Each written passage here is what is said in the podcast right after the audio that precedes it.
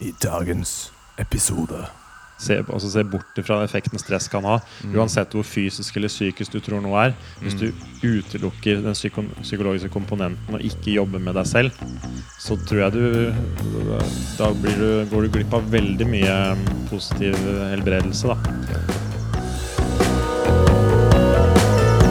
Velkommen skal de være til Smør-Jesus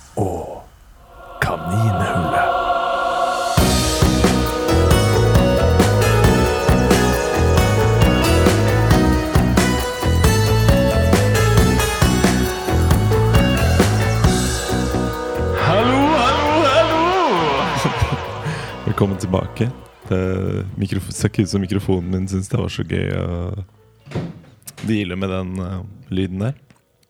Men du sprengte litt skalaen. Jeg tror det. Vi får se om uh, min uh, lydredigerer får det til å Kanskje han legger på noen effekter og får det til å låtes ut som en eh, noe spennende. Velkommen tilbake til eh, Smør-Jesus podcast. Det er vel Smør-Jesus og Kaninhullet jeg har landet på som eh, navn. Um, må jeg spørre hva kaninhullet er for noe? Kaninhullet er jo bare en direkte oversettelse av The Rabbit Hole. Eh, Yes, so we're tumbling down the rabbit hole in this podcast. heter podkasten Kaninhullet? Smør-Jesus og Kaninhullet. Ok. Ja. Så Det det er meg, det er meg og Kaninhullet. Ja. Artig. Jeg, liker eh, Jeg liker eh, det bildet. På, på en måte, hva er, det jeg, hva er det jeg liker å gjøre? Jeg liker å grave meg ned i kaninhull, rabbit holes. Og jeg føler det er denne podkasten her er også litt, på en måte. Snuble litt ned i litt interessante kaninhull som kanskje folk ikke var helt klar over, eller Ja. Har du blitt mer religiøs av å kalle deg Jesus så lenge? Eller tenker du noe over det? Tror du, er det fare for at du sklir litt over, at du får litt sånn annen personlighet? Altså Nei. Jeg, jeg føler at jeg har eh, Jeg har mitt forhold til Jesus, på en måte. Hva er det? Men jeg tror det kanskje blir en annen podkast. Ditt forhold til Jesus? Nei, det er bare Jeg har jo Ja. Nei. Jeg er ikke, jeg er ikke religiøs på den måten. Men jeg har hatt en interesse for på en måte religiøse og mytologiske tekster, og hva Mm. de representerer. Ja. Og mer en sånn eh, Som en mer sånn psykologisk tilnærming til det. Som Jordan Peterson? Ja. ja. Liksom, Det er et kaninhull jeg har vært nedi. da ja. Som Jordan Peterson, som ledet meg til Carl Jung. Som, har vært, som er mye symboler, religiøse, eh, mytologiske tekster, eventyr. Og på en måte da hvordan disse symboliserer eh, egentlig psykologiske eh, utfordringer som vi går gjennom, som er på en måte universelle for alle mennesker, og, men også ja, veldig mye annet. Så Jesus Hvem er han? For meg representerer han personen som eh, ibosetter eh, det hellige ideal som vi mennesker um, på- en eller annen måte Altså et ideal som lever i oss alle, som vi har klart å eh, prosjektere ut i en uh, Figur? figur, på en måte. Ja. Og så kan man diskutere om denne personen var han faktisk ekte. Ibo, bodde han seg faktisk dette idealet og gjorde alle disse tingene som han gjorde, osv., osv. I don't know. Jeg syns det er et interessant uh... Må passe deg at du ikke blir så annerledes at du blir skutt. da Det er det som er faren med dette opp gjennom åra. Hvis du er litt for langt der ute, Ja. litt for snill eller litt for god, eller Yes. så er det bare sånn Faen ta han der, han er altfor Han er altfor perfekt. Ja. La oss henge den. Ikke sant? Det er jo veldig interessant med hele den historien der også. Bare ja, hvordan han ble hengt på korset av alle de tingene han gjorde. Ja, det er mye frykt, så det er lett å ta knekken på det som Ja. er litt for eh, annerledes. Når noe, ja, når noe er for godt, liksom, så speiler det kanskje litt for mye hvor mye dritt det finnes i deg. Ja, og så er det bare sånn okay. La oss eh, henge han fyren der før Ja, ja. jeg trenger å se mer på meg selv og ta et oppgjør med ting. Mm, det er litt sånn, ja, det er litt sånn Kan føle denne gangen at det er litt Kan føles litt sånn skummelt å ha det Og bare 'Å, jeg er så glad i dag, det er så bra' Og liksom være veldig på, da. Ja. Altså Hvis, mange, hvis du møter har mange rundt deg sånn som kanskje ikke er alltid så på, får litt sånn dårlig samvittighet, kan det gjøre. Ja. Det kan, bli liksom, det kan føre til bitterhet òg. ja. Hos dem, eller? Hos deg? Nei, hos, Nei, hos dem, ja. Sånn at du føler kanskje at Jeg har opplevd det selv. Ikke at den, altså, det er ikke verdens mest positive, men jeg tror jeg er over snittet. Mm. Og bare det at Jeg kan lett føle at man må tone seg litt ned noen ganger. Yes. At man er litt for på eller er for gira eller for Ja. engasjert i ting.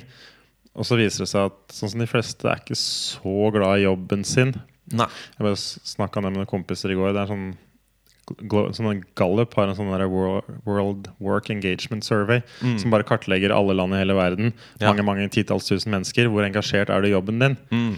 Og de fleste putter de i tre bokser sånn aktivt ikke engasjert, altså mer sånn destruktiv handling. Altså mer sånn derre 'Dette gidder jeg ikke å drive med' type holdning. Og så er det sånn 'Jeg har det helt greit på jobb', og så er det de som har det aktivt engasjert og entusiastisk på jobb. Ja. Du kan omtrent si at det er 75% som jeg syns alt er helt greit. Ja. Og så på hver sin side så er det sånn, sånn 10-12% som tenker at ja, helt jævlig eller dette var fett. Ja. Så poenget er bare at hvis du hører til de 10-12-15% som syns at livet faktisk er Altså det å gå på jobb er jævlig fett, Ja. og du er engasjert og entusiastisk, så er du en minoritet. Nettopp. Så det er kanskje lett å føle litt dårlig samvittighet, eller sånn, det blir litt sånn clinch, da. Ja. Når det viser seg at de fleste faktisk syns jobben bare er helt grei. ja.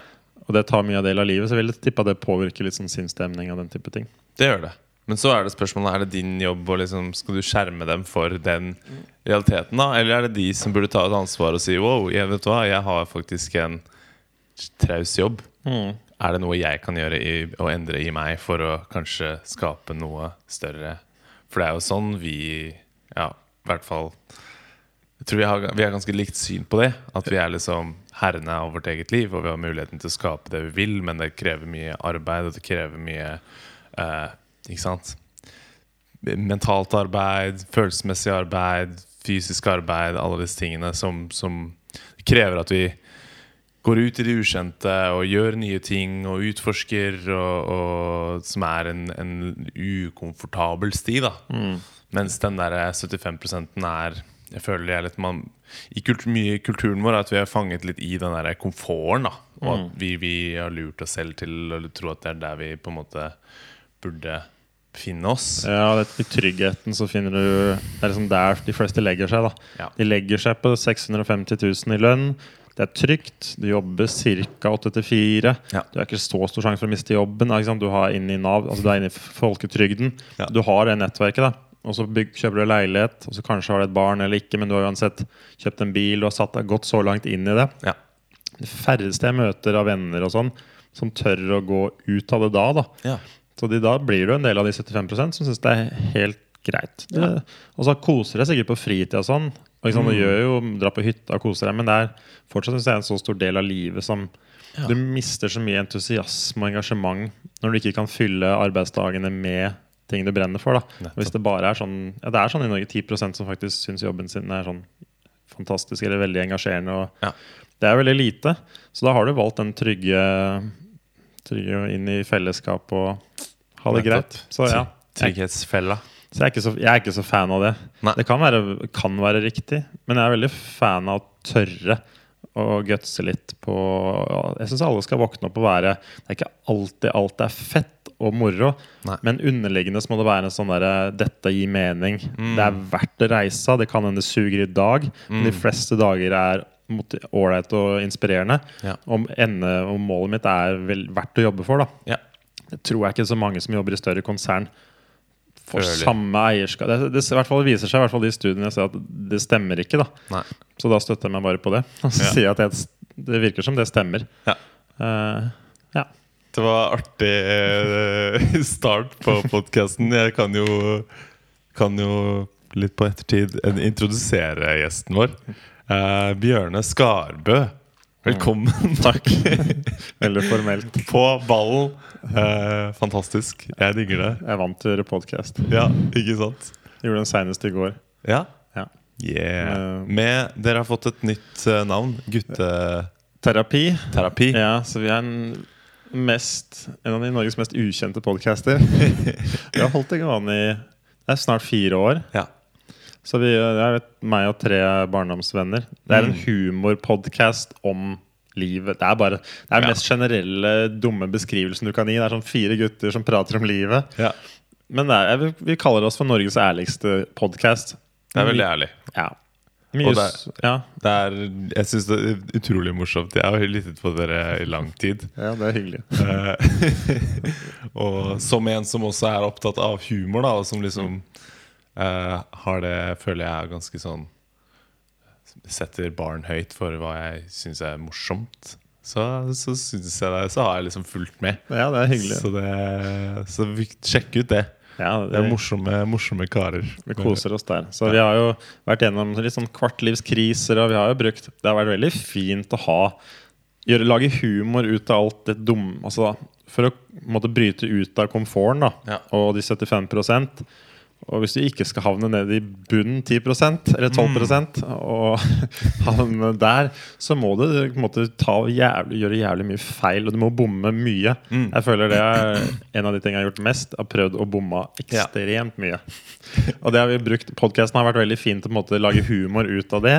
Og så bare, Ja. bare få litt sånn Ja, ikke, ikke ta det så tungt, da. Ja. Altså sånn, Tåle at ting går litt skeis, at du driter deg ut. Ja. Og så har du noen på en måte som syns det er moro.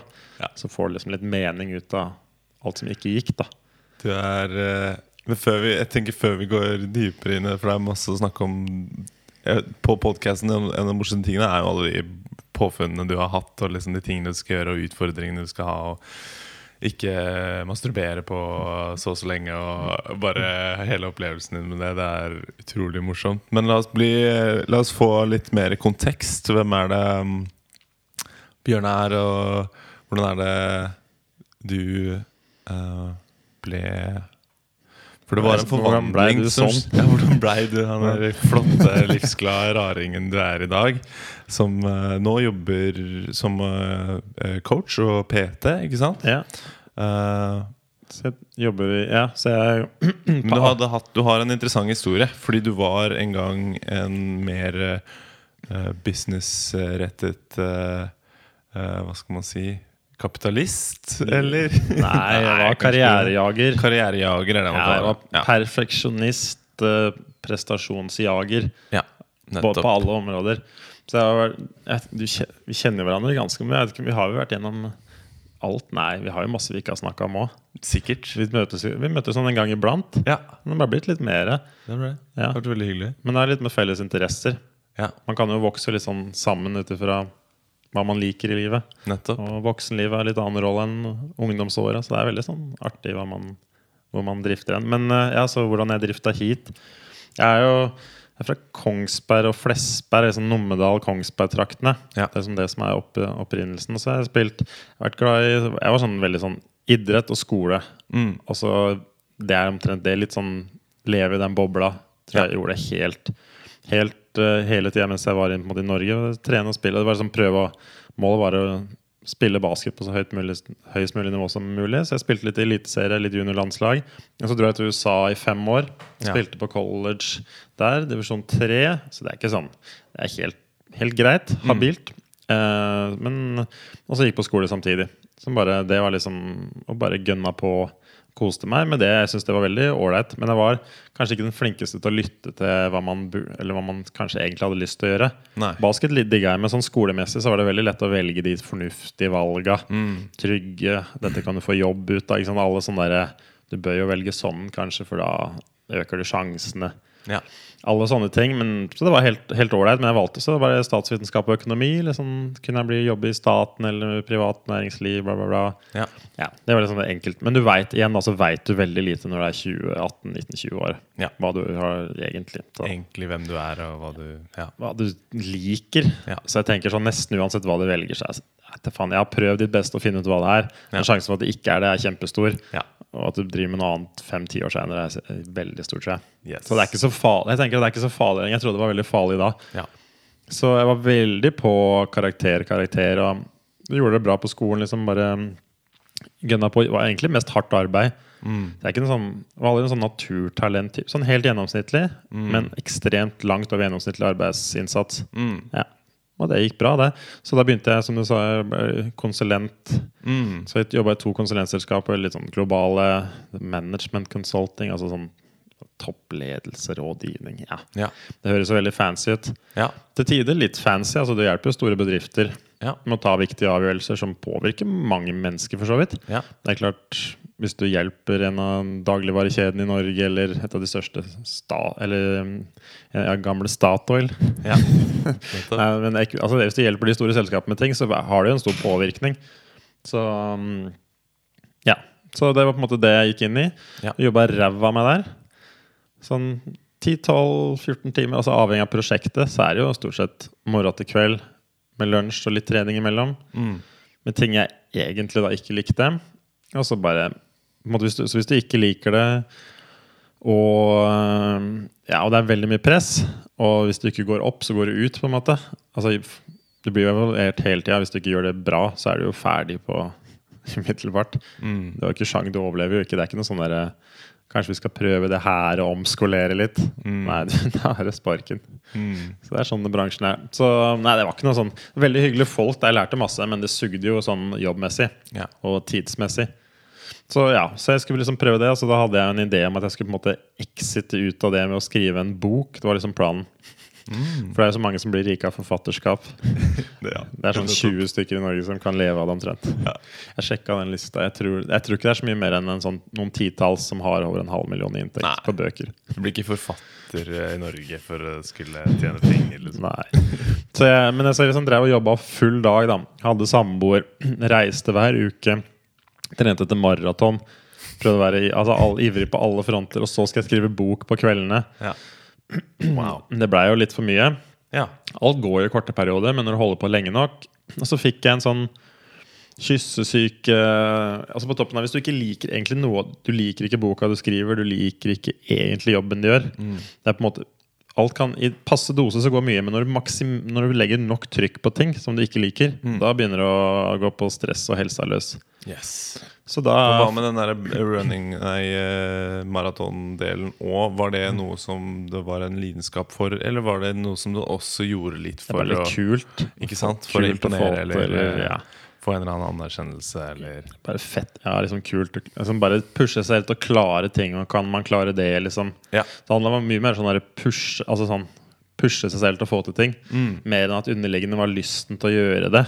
Nettopp. Så det var mer sånn, det blir jo et jag, da. Mm. Så ja, Mer enn man egentlig er genuint. For jeg kan jo gjøre tunge ting i dag som krever mye. Men, hvis under, men hva er grunnen til at du gjør det?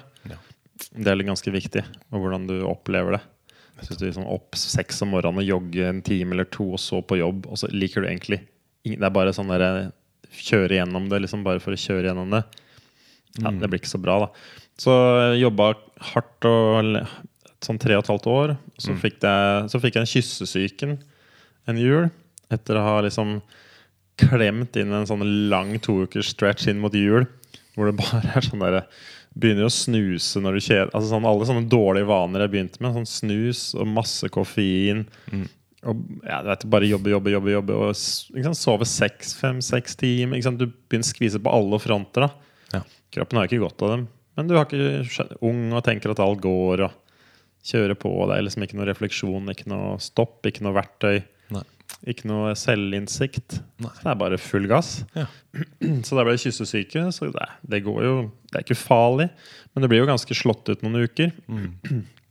Så kom jeg meg på en måte aldri etter det igjen. Nei. Begynte på jobb igjen, men var sånn slapp. på en måte Ja. Og så bare fortsette å prøve å pushe på trening så lenge ut og kjøre intervaller Mm. på jobben igjen. Og så kjenner du at dette her er egentlig ikke noe for meg. Kjenner at når du setter deg i kontorstolen, så føler jeg litt sånn det er noe som ikke stemmer, og så øker stressnivået, øker spenningen. Mer som begynner sånn hodepiner å komme. Mister konsentrasjonsevne. Blir liksom, klarer liksom ikke, ting funker ikke lenger. Blir 50% sykemeldt. Blir bare verre og verre og verre. Så blir 100% sykemeldt. Bare fordi lite energi, hodepine. Klarer liksom ikke å fokusere på noe. Nei. Og sånn som i dag, så det var bare kronisk stress. Bare forblei en sånn stressmodus etter kyssesyke. Fortsatt med ting man ikke likte. Kroppen går bare, begynner å lære de mønstrene. hjernen begynner å liksom sånn automatisere en del smerte og slitenhetssignaler. slitenhetssignal. Altså den blir bare flinkere på ting. Trener på det, litt sånn automatisering av Så det ble litt kronisk, da, egentlig. Men det klarte aldri å bryte ut av det og se hva det egentlig var. Um, for, ja, for det man trener på, det blir man god på. Mm. Selv om det ikke er bevisst på at man trener på det. Det har ikke, på en måte, ikke så mye å si. Nei. Eh, men da fant jeg ut at ok, så, måtte jeg, skal jeg ta meg, så da sykemeldte jeg meg, så var jeg borte fra jobb sånn av på et halvt år. Halvt år. Det er sånn seks år siden. Og så fant jeg ut da skal jeg ta en sånn ny permisjon. Reise jorda rundt. Det var liksom, det var løsninga. Ja. Da fant jeg at faen, jeg må jo liksom ta tak. Så jeg prøvde å gå til psykolog og coach og lege. Altså jeg prøvde jo mye ting. Men så begynte jeg å høre på Joe Rogan. Der har du alle svara. Ja. Du vet det mye. Det er sikkert mange podcastere som har hørt litt på Joe Rogan. Ja. Så da eh, så var vi, begynte jeg å høre på han, og der var det jo De første episodene der var faen det var mye nytt. Jeg vet ikke om du husker Men du følte at du Alle en helt første episodene? Altså De første sånn titalls episodene, Ja. så er det mye sånn du åpner en ny verden. Det er mye sånn faen Mye konsepter du ikke har hørt ja, om. da Ja, ja. Sånn, ja. sånn, så det begynner for min del med psykadeliske stoffer og liksom Ja. ayahuasca og liksom alle disse tinga han Alle gjestene av Graham Hancock og alle disse ville De første sånn gjestene som bare Å, shit, er det sånne ting ute i verden? Ja. Dette her er jo en Dette skjønner jeg ikke noe av. Nei.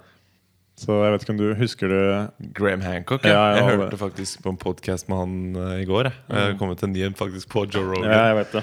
Jeg har ikke hørt så mye på Joe Rogan i det siste, men uh, den fikk jeg anbefalt, så den tenkte jeg å sjekke ut. Ja, det, det er jo veldig spennende altså, Det er gøy å høre om, om hvor mange synes sånne Det er mange skeptikere til disse teoriene, og sånn men poenget var at det er jo Men akkurat det med psykadeliske stoffer det er jævlig trigga. Da, liksom, da hadde jeg prøvd ganske mye som konvensjonell norsk helsevesen. Mm. Og liksom, psykologen har vært der mange ganger, men jeg føler liksom ikke de kom noe videre. Nei.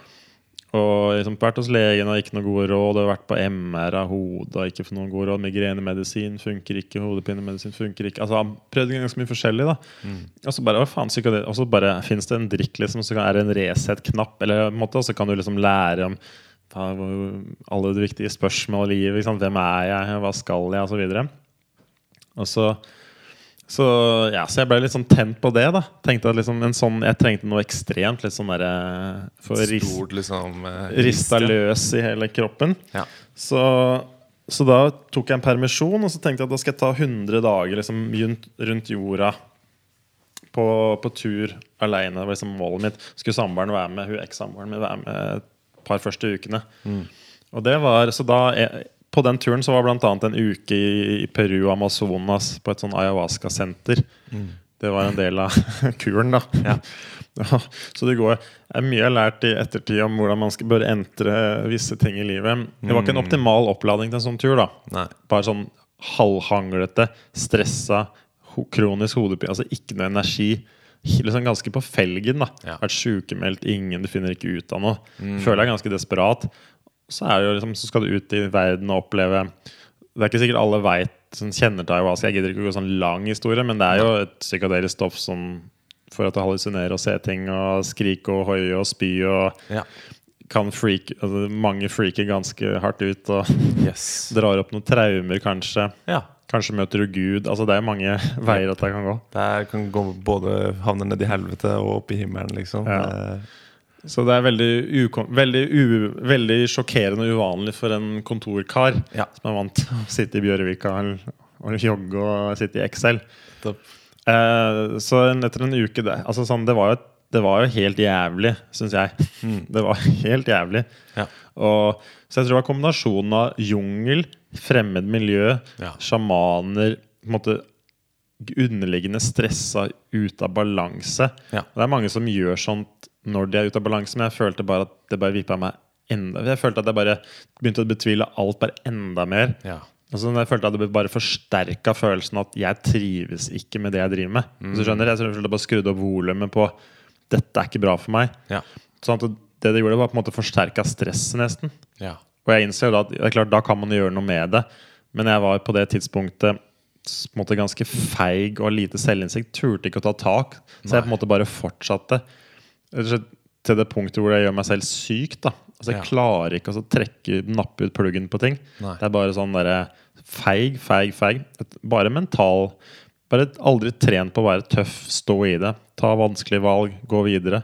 Men bare sånn, trent på å pushe og please andre. Være flink, eh, gjøre de tinga. Liksom bare stå på, stå på, stå på, stå på. stå på Og liksom aldri si stopp, eller 'dette tror jeg ikke er bra for meg', eller 'jeg har lyst til å gjøre det her'.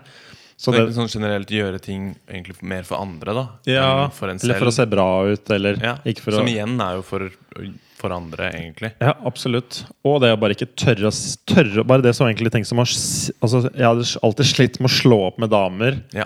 Slutte i jobber. Tøff, eller, nå syns jeg ikke det er så tøft lenger. Nei. Men jeg har trent på de siste åra, for jeg syns det har vært tøft ganske lenge. Jeg har vært veldig dårlig på det. Mm. Så der må vi finne hva er dine svakheter. Min svakhet var å si nei og bare 'Dette er ikke noe for meg. Sorry', liksom. Um, så det, jeg følte bare ayahuascaen Det var helt jævlig. Og så bare syns jeg bare forsterka alt som ikke var At jeg følte bare skrudd opp volumet på at dette her bør du ikke drive med lenger. Ja. Så når jeg da kommer hjem, så føler jeg meg absolutt ikke noe bedre. Jeg føler bare at også litt sånn reisediaré og tolv kilo lettere og bare ordentlig sånn fysisk dårlig òg. Ja. Kommer jeg hjem ganske sånn hanglete, og så skal du på en måte på igjen på jobb. da Og føler at omtrent går inn døra, har hodepine. Altså sånn, Ja. bare sett, Og da bare blir det Bare jobber der en uke eller to etter permisjon på høsten 2014, og så bare får jeg helt sånn derre panikkanfall hjemme i stua, bor aleine, måtte slå opp med samboeren den sommeren. da Og så bare selvmordstanker og frykt for det, liksom. Og bare alt bare Du får en sånn derre Alle dere vonde tankene bare kommer til overflaten. Når du på en måte Mm. Og det var tøft. Jeg hadde jo ikke noe forhold til stress eller angst eller noe. Nei. Man si at du bare, måte, Livet har bare glidd. Mm. Fått seksere og AR på skolen. Spilt basket, ting har gått bra. Og så plutselig møter du utfordringer og innser at du må gjøre tøffe valg. Mm. Og så har du aldri gjort det. Ikke trent på noe av det. Ikke fått noe veiledning. Ingen som gir noen gode råd. Nei. Ikke noen gode familieråd. Det er på en måte ingen som har verktøy eller kunnskapen til å stå i det med deg. Og da bare følte jeg bare at alt raste sammen en kveld der. Og bare var helt ute av meg. Bare, du vet, altså Hvis du har hatt panikkanfall og selvmordstanker, så føler du bare at Litt mer sånn bare, du bare, Det er bare vondt å være i live. Ja. Det føles uvirkelig og jævlig ekkelt. Wow. Så da var det, da, det var da skal jeg si hvor langt jeg må dra det da før jeg gjør noe.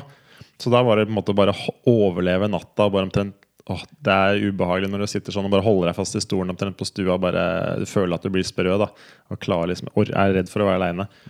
Og så, så da bestemte jeg meg skal ned på kontoret og si ifra neste dag. det bestemte meg for. Så da gikk jeg, da tok jeg liksom første steget inn og så snakket med HR. Sa at jeg, jeg kan ikke være alene, jeg tør ikke å være aleine lenger. Liksom. Så satt jeg bare på kontoret der til jeg ble henta av broren min. Ja. Ja. Og det, det var begynnelsen på nedturen, det. Mm. Så da begynner det. Så det er liksom sånn, Da er du på en måte ganske langt nede. Ja. Og så er det bare å sykemelde seg igjen, da. Mm. Og så er det bare å hjem til foreldre, mamma og pappa. Liksom for eneste sted hvor det er trygt og godt det ga mening. Og så, og så var jeg der og bare satt på sofaen og på en måte prøvde å finne overskudd. Da, liksom, slapp av. Det er liksom beskjeden jeg fikk av legen. Liksom, som bare roe ned litt og ta litt tid.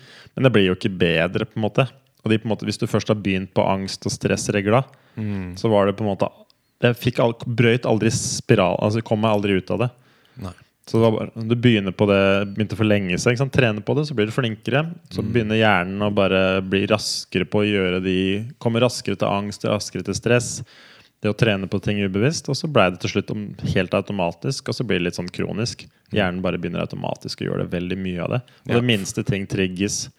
For det her er snakk om mønstre som du lever ut, som hjernen din liksom Altså hvordan Hvis man snakker om hvordan man danner et mønster, eller et vanemønster, da. For det er vel det det er? Ja, det er At du sånn- får triggere, og så trigges den, og så På engelsk så sier det sånn 'neurons that fire together, wire together'. Så det er jo nevralbaner eller stier. Du kan se på sånn stier i hjernen din, og koblinger som brukes mye.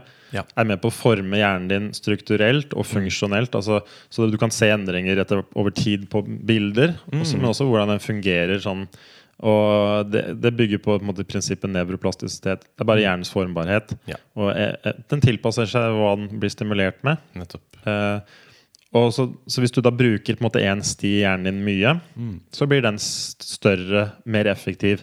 Det på en måte blir sånne veier i hjernen din, og så er det andre stier man ikke går så ofte. Blir mer gjengrodd. Nettopp. Så det handler bare om hvor du styrer trafikken din, Mm. og hvor du går ofte. Jo mer du går et sted, selv om det er bevisst eller ubevisst, Mm. så blir det, blir det hjernen din går mye raskere å komme dit. Nettopp. For den sier sånn Ok, hvis vi bruker det her ofte, så må jeg effektivisere den prosessen. Det er nettopp det. For Ja. alt kommer egentlig ned til energieffektivisering Ja, i hjernen din. ja den tenker sånn Å ja, dette er, tydeligvis dette er det vi skal drive med. Ja. Jeg har ikke noe å si om det er bra eller dårlig for deg, Nei. men det er det som skjer. Vi optimaliserer for den atferden. Mm. Dette får du nå mer av enklere. Ja. Har du et eksempel på en, liksom en sånn vei, da? Sånn negativ vei? For, for, for, en vane er vel en, en, en, en trigger, og så er det en eh, handling, og så er det et eh, mål, på en måte? Er det liksom Vil du kunne kategorisere det på den måten? Hvordan disse Ja, altså, tingene jo fyres, fyres i gang, da? Ja, du har jo Jeg vil si at det heller er sånn Tanker Mm. leder til følelser. Så føles er litt sånn juicy tanker, egentlig. Ja. For da begynner du å føle noe. Så liksom, du har jo en, vi har tanker kontinuerlig hele tida. Mange mange titalls tusen. Og så, hvis du, så kan du velge på en måte å respondere eller ikke respondere på det. Du kan være de bevisst eller ikke bevisst. Så hvis du da reagerer på en tanke, da bevisst eller ubevisst Mm. du kan jo på en måte, Hvis du trener, så kan du bevisst velge at nei, dette her kan jeg tenke, kommer jeg ikke til å forholde meg til. Nettopp. Men på mitt tilfelle så får jeg da en tanke om at shit, det er, liksom, det er utrygt, eller ja, jobb er ikke noe for meg, eller og det stresser meg. Istedenfor å en måte, la den passere, Mm. så tar jeg ubevisst bare så måte, suger jeg meg fast i den tanken og begynner å gruble på det. Ja. Så re- fører det til følelse. Følelsen kan være stress eller angst eller uro med tanke Mm. på det. Det fører til en annen handling. Handlinga kan være at jeg um, forblir får bli hjemme, sitter på sofaen. Ja. Så begynner å agere ut ifra at jeg tror jobb er farlig for meg. Mm. Jeg sender signaler til hjernen at jo, jobb er farlig. Det er, ikke noe du skal, på en måte, det er en stressende situasjon. Du iverksetter alarm- og beredskapsmekanismer som, altså, som er stressøkning. Sånn hjernen sier sånn Ok, shit, ok, dette her er skumle greier. Ja. Jobb, det er tydeligvis. Fordi den skiller heller ikke mellom virkelighet og fantasi. Hjernen. Nei. Så det er, du, du kan jo bli redd uten å ha vært gjennom det. ikke sant? Ja. Så da viser det seg at hjernen din responderer på tanker. Ja. Eh, så du kan jo tenke på en presentasjon eller når du skal slå opp med dama. Tipper at pulsen går opp litt. ja. Ja. Ikke sant? Så hvis du sitter og tenker på at jobb er ille, og så hver gang du kommer inn den tanken, så kommer en følelse som er bare sånn Å, shit, åh, fy faen, det her, jeg orker aldri tilbake på jobb igjen. Så begynner hjernen å tenke at ok, det er jobb er farlig, ja. Ok, da setter vi i gang disse alarm- og fight-flight-mekanismene. Yes. Og så begynner du med, sitter du i stress mer og mer. Ja. Jo mer du gjør det, jo mer kronisk blir det. Ja. Det blir mer automatisk. Og til slutt så blir det bare sånn lært atferd som Hvis du ikke klarer å skru den av, så er det på en måte der du lever veldig mye av tida. Nettopp. Og det var det jeg gjorde, da. Ja. Og da Da kan du få masse fysiske symptomer. Og jeg fikk jo på en måte Etter hvert når jeg holdt på lenge nok, så på en måte ble jeg bare gradvis bare verre verre. verre. Men jeg fikk jo eh, etter hvert diagnosen kronisk utmattelse M, eller slash ME. Eh, En kjent, mystisk, mye omdiskutert eh, diagnose. Ja. Det er sånn 10 000-20 000 mennesker i Norge som er på en måte diagnostisert med det. Mm. Og så kan du si at det er alltid familier gjerne som blir påvirka òg. Det er en sånn type sykdom hvor du har noen liggende hjemme i senga som du må mate, så Ja. tar det jo litt energi fra andre òg. Så det jo Det blir jo fort kanskje 100 000 mennesker som kjenner litt på at det er eh, ja, noe som Eller de har hørt om, eller Så det er jo ganske Det, jo, det berører jo en del, da. Ja. Og så er det jo grader av Så kan du si at utbrenthet og litt sånn der jobbstress og sånn er jo på en måte fra mitt ståsted, da, så kan vi ta det seinere, men litt mer, kanskje mildere, mildere stressvarianter av det. Jeg har ikke tatt det så langt, men det faller jo litt inn i samme den utbrenthet og liksom, Det er nok flere som kjenner seg igjen i den type symptomer om å ta seg litt sånn fri fra jobb og Ja. Føle seg sliten og litt sånn ah, brukt opp. da Ja. men, eh, så det var det jeg fikk. da med poenget Så ble det bare gradvis verre og verre. verre Eh, Jo mer man forsøkte, jo mer stress ikke sant? For du, vi om ikke, Hvis du ikke får brutt ut av dette stressmønsteret, så vedvarer det. Da kommer det, en fikk det for min del og for veldig mange andre med den diagnosen, mye fysiske symptomer. Altså kroniske smerter er vanlig. Du snakker om slitenhet. altså Du orker ikke å gjøre noe, føler du må hvile veldig mye. Får ikke sove godt. Ikke sant? Det påvirker eh, fordøyelsessystemet. Yes. Eh, For det her er jo Stress er jo noe som har en veldig konkret fysiologisk påvirkning på kroppen din. Mm. Ikke sant? Eh, som, er, som egentlig er der for veldig egentlig livstruende situasjoner. Altså Det er jo sånn de har brukt det i Ja, ja. vår utvikling. Ikke sant? Hvis det dukker opp en bjørn i skogen, liksom, så har vi Så må ting i kroppen endres da for å kunne overleve og enten da løpe fra bjørnen eller kjempe mot den. ikke sant? Så du har jo masse sånne endringer av hvor, hvor blodet strømmer. ikke sant? Det slutter å strømme til fordøyelse, fordi fordøyelse og immunaktivitet for eksempel, har mer med eh, med sånn langsiktig opprettholdelse av ting. ikke sant? Nå er det en immediate eh, fare her som vi er nødt til å ta tak i, så da er ikke det like prioritert. Så blodet strømmer heller til muskler og til øye og til skjelett og sånne ting, fordi nå skal vi slåss eller løpe. Ikke sant? Du pumper ut sukker i blodet fordi sukker har et sånn derre uh, Det er effektivt i ja, Hvis man skal spurte da og ha den der ekstra energikilden. Så du har også en ekstremt stor men, og det, og det, det vil fungere fint når man gjør det i en liten periode. ikke sant? Si at det tar sju minutter å komme seg bort fra den bjørnen, og så får du rote deg ned og komme tilbake i mer rest and digest, parasympatisk, som jeg har det med mer med å bygge opp da, og helbrede og, og opprettholde at ting fungerer. Men eller når du er i kronisk stress, for dette her blir eh, basetilstanden du befinner seg deg i, så vil jo ja, ting etter hvert begynne å degenerere, på en måte. da Så ja. Ja, nei, ja, ja absolutt. Så det er jo det, er det som skjedde. Så det blir jo egentlig for min del så var det bare sånn Begynne med sånne småting, sånn sliten, litt vondt i hodet, og så bare blir det verre og verre og mer kronisk. Og gå fra det til liksom å ligge da ende, på en måte Endepunktet er å ligge i et mørkt rom, ørepropper, solbriller, lyset av. Ikke kunne snakke, orke å snakke med noen, står ikke opp av senga. Er liksom jeg omtrent ikke opp av senga på 60 dager. Altså sånn i det hele tatt opp, liksom. Eh, går maks på do ja. ned og legger meg. Altså sånn. Og det varer i over et år, da. Wow. Så det var Var det også en ting som mata bare inn i en ond sirkel? At du Ja. liksom bare Oi, det her går så ille, det her går så ille. Og så blir det bare Men, du, du, men jeg bare innså ikke hva stress kan gjøre. Men sant, når du har brukt mange hundre tusen kroner, du har vært hos alle legene som måte, du kan i det offentlige, Ja. du har vært på sykehuset, du har vært hos psykologene, du har vært hos nevrologene, psykologer Og så er det ingen som gir deg noe råd. Nei. Du får liksom bare beskjed om å slappe av og ta smertestillende ved behov. Og kanskje litt D-vitamin siden du ligger innendørs, liksom. Men det er på en måte det er graden av råd, da. Ja. Og det er jo ganske begredelig, og det er, det er jo helt sjokkerende latterlig. Ikke sant? Og, det, men det er på en måte frustrasjonen og angsten. Fordi du, Det blir jo aldri skrudd av dette her. Det bare får lov til å fortsette å gå. Ikke sant? Så prøver du og prøver og prøver og bare feiler og feiler. og feiler Til slutt så veit du ikke hva som er bra for deg, dårlig. Altså, du tolker nesten alt. blir bare Og jeg ble sliten av det, og shit. Og så plutselig så var det på en måte det, du kunne gå fra bilen til postkassa nå, på en måte, nei, nå er jeg ikke sikker lenger. Begynner å få stress rundt det. Begynner gjerne å tolke det som farlig. Mm. Så, det så fort begynner tolkningen. Så begynner du å katastrofetenke og tolke. Du begynner å føle og kjenne mer på ting. Ikke sant? Kjenne, å, har jeg litt vondt der. Å, shit, nå, oi, faen, nå får jeg vondt av det. Og, og plutselig, oi, er ikke det bra heller lenger nå? Kan jeg ikke snakke, Orker jeg ikke selskap? Nei. Jeg ble Nei. sliten av det. Og, og så, Så putter du det i den samme kategorien. da, ikke sant? Selskap, ok, det er også en fare. Og dette er også en Ja, kan ikke jobbe. Å nei, nå kan jeg ikke gå på butikken lenger heller. Nei. Ikke sant? Så får du dårlige opplevelser. Kanskje får du et, får en sånn stress- eller angstopplevelse av noe, eller du kjente på noen smerter. Og så, bare, og så begynner du å assosiere ting og lage kanskje falske koblinger og, mellom årsak og virkning. og Du veit liksom ikke hvor ting begynner og slutter, og hva som er rett og galt lenger. Og så har de ingen gode råd å få. Alle gjør bare sitt beste. Men det er ingen som har erfaring måte, med det, verken familie eller og helsevesenet. var helt jævlig dårlig. Ja. Sånn sykt dårlig. Men det er jo på en måte ikke noe etabl... Det er ikke noe det er en veldig sånn diffus sykdom med ingen sånn etablert kur, annet enn at det som anbefales, det eneste anbefalte offentlige rådet, er eh, kognitiv atferdsterapi og gradert trening, altså gradvis opptrening, er de to eneste behandlingsformene som har vist effekt, og som anbefales av si, Folk- Helsedirektoratet, f.eks. Ja.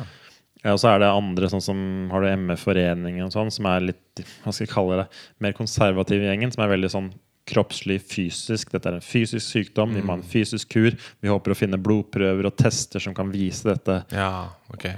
Det er det, på den siden. Litt med det vi kan. Fra mitt ståsted mer gammeldags måte å tenke på. Ja. Så har du med det moderne, litt sånn helhetlig kropp, hode, alt henger sammen. Ja. Det er et system. Mm. Og man må jobbe både med fysiske og psykiske ting. Ja. Det psykiske spiller en veldig stor rolle. Og Yes. der det er eh, på en måte, kognitiv atferdsterapi og den biten kommer inn, da, at det har vist seg å være effektivt for mange. Ja. Eh, og så frarådes det eksempel av ME-foreningen. da Så da måte sitter du også i en verden hvor det er litt sånn veldig polariserende. Og så kan du bare søke alle aviser, og så er det alltid sånn en gruppe forskere mente det. Og så fikk de kjeft av ME-forening eller en, en liten gruppe her borte fordi å nei, man blir dårlig av det, osv. osv. Mm. Men fra mitt Ja. Så det er på en måte den du er i den, veldig sånn forvirrende verden. Uh, så Ja, så det er på en måte der det Så det ender jo på en måte sitt, Så det er liksom rullestol hvis du skal ut av senga, så er det mating i senga, Mm. så er det å pisse i flasker, og så er det å ligge der og se i taket. Ja. Måne ut og måne inn. Det er på en måte det som er livet, da. Mm. Eh, så det var jo å prøve alt mulig. Jeg er jo veldig sånn Prøver jo alt. Løsningsorientert. Veldig. Men det er ikke det, jeg, det siste steget som gjorde at jeg blei frisk, det var jo på en måte å si ok, nå har jeg prøvd så å si alt jeg kan finne på. Men det vi ikke har prøvd, er noe mer hva skal jeg si, psykologisk. Jeg følte at Men jeg har jo vondt i hodet. Jeg har vondt, jeg er slapp. Hvordan, det har ikke noe med hu hodet å gjøre. Nei. Sa jeg liksom alt. Mm. Nei, dette er fys dette er liksom Nei, det Så du hadde den ideen du også, om at Ja, ja. her var noe fysisk problem Ja, med maskineriet ditt? Ja, ja. Tok sånn. blodprøve. Det må liksom være noe her. Jeg får ikke bare Jeg har vondt, liksom. Mm. Så jeg hadde jo ikke en forståelse av kropp og hode sammen, eller hjerne, hva hjernen kan skape.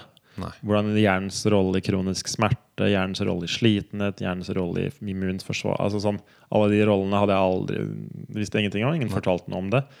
Så det som på en måte var um, game changeren for meg, var å høre historier med et par andre mennesker som hadde gjort lignende ting. Og så ligge i flere år da, og blitt liksom mata og samme pakka. Og så blitt friske igjen.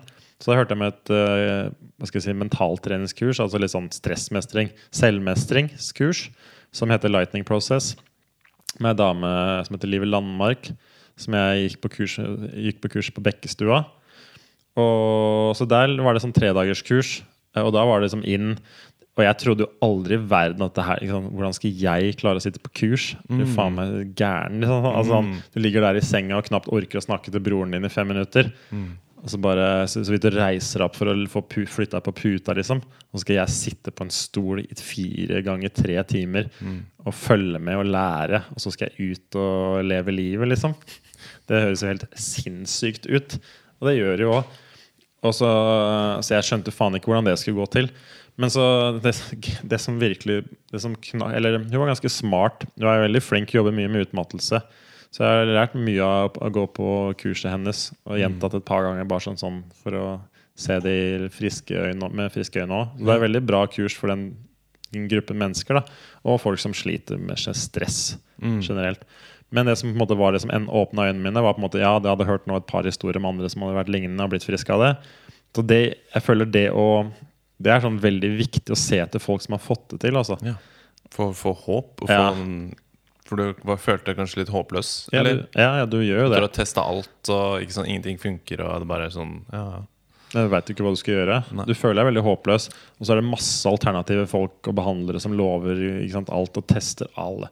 Altså Faen hvor mye jeg har testa. Sånn, å nei, du har parasitter. Å nei, du har sopp. Å nei, du må detoxe. Mm. Liksom Bare sånn den ene, ene dagen hvor jeg bare Ok, nå skal Nei, du må ha galleblære og lever av de som trenger en rens. Liksom. Det er liksom der det er så mye opphopning av giftstoffer og tungmetaller. Eller. Så er det liksom Ok, da må drikke en liter olivenolje og faste og, og sitronvann i et døgn. da Så da drakk jeg olivenolje, en liter olivenolje på et døgn. Og, og sitronvann. Det var det jeg gjorde liksom et døgn, og så lå jeg på sofaen. Ja. Bare så, sånne ting. Eller detox-kur. Altså, vi prøvde så mye rart. Healing. Altså, du prøver alt, da. Ja. Og så er det faen ingenting som funker. Og jo, altså sånn jeg prøver Nei, gå barfot ute på vinter Altså sånn grave seg ned omtrent. Det er jo sånn ikke grenser, da. Ja. Um, så, men når jeg hørte om det Det som måte, fikk det til å måte, flippe for min del, var bare det med det hun sa. Eh, fordi vi hadde meldt meg på det kurset, da. Så tenkte jeg sånn Ja, jeg vet faen åssen dette her går, men får bare prøve, da. Og så kom broren min inn med en telefon, og så bare sånn Her, vær så god. Og så bare stappa han på en måte i øret på meg, hvis du skjønner. Og så jeg bare på en måte fikk ikke tid til å reagere på at nei, jeg kan jo ikke snakke med gæren? Jeg har ikke snakka med folk mer enn fem minutter på flere måneder. Dette her funker jo ikke. Så begynte hun bare å snakke til kurslederen, bare snakke til meg. da Fortelle hvem hun var, osv. Og, så videre, og, så og så bare plutselig så hadde det liksom gått 40 minutter på telefonen. da Oi. Og så, så spurte jeg, og så sa jeg liksom sånn ja, men jeg, jeg vet liksom ikke helt hvordan jeg skal klare å sitte på kurs i tre dager. For jeg blir jo så sliten og jeg har så vondt i hodet. Så spurte jeg liksom sånn bare, men hvor var slitenheten din nå de siste 40 minuttene? Jeg hadde bare ikke tenkt noe på måte. Jeg bare prata og bare vært i slaget. Jeg var liksom for første gang liksom kobla helt ut av stress. Da det var liksom håp og nysgjerrighet og glede. Altså det måte var liksom Alle de godfølelsene hadde liksom skrudd av stresset, og fokuset hadde blitt noe annet. da Det handler mye om fokus. Mm. Hvor er, er du inne i hodet ditt? Du fok hva fokuserer du på, bevisst eller ubevisst? Er det stress? Er det vondt? Er det hodepinen? Er det hvor ille ting er? Er det håpløst? Mm. Eller er det, er det eksternt fokus? Ser du på ting? Liksom, hvor fint er ting? Er du engasjert? Yes. Opplever du verden, eller er det bare inni hodet ditt? Mm. Og kjenner på alt som er jævlig, og vondt det er, og orker jeg det her, og tenker og tolker og synser, altså sånn, og grubler og alle de tinga som jeg var helt verdensmester å drive med. Og så mange som jeg har hørt og sett og opplever at mange sånn utmattelse og EME, folk er, blir verdensmestere til slutt i å kjenne og tolke og tenke på og grave seg godt inn i naturlig nok system, nei, sykdommen og symptomene sine, Mm. men kanskje ikke innser hva det gjør med deg. da Nettopp. så når hun sa det, så tenkte jeg sånn Oi, faen. Ja, ja. Det går visst an å være litt ute av den bobla her. Og da var det egentlig bare Da var det to uker til kurs, og jeg så fram til, eh, så frem til det og bare begynte å glede meg. Og så lå da Så da var det liksom føltes det som å Ja, litt som å skulle gå på vannet eh, uten å helt vite hvordan. Ja. Så da var det tre dagers kurs, og så var det etter første dag ut liksom på kafé.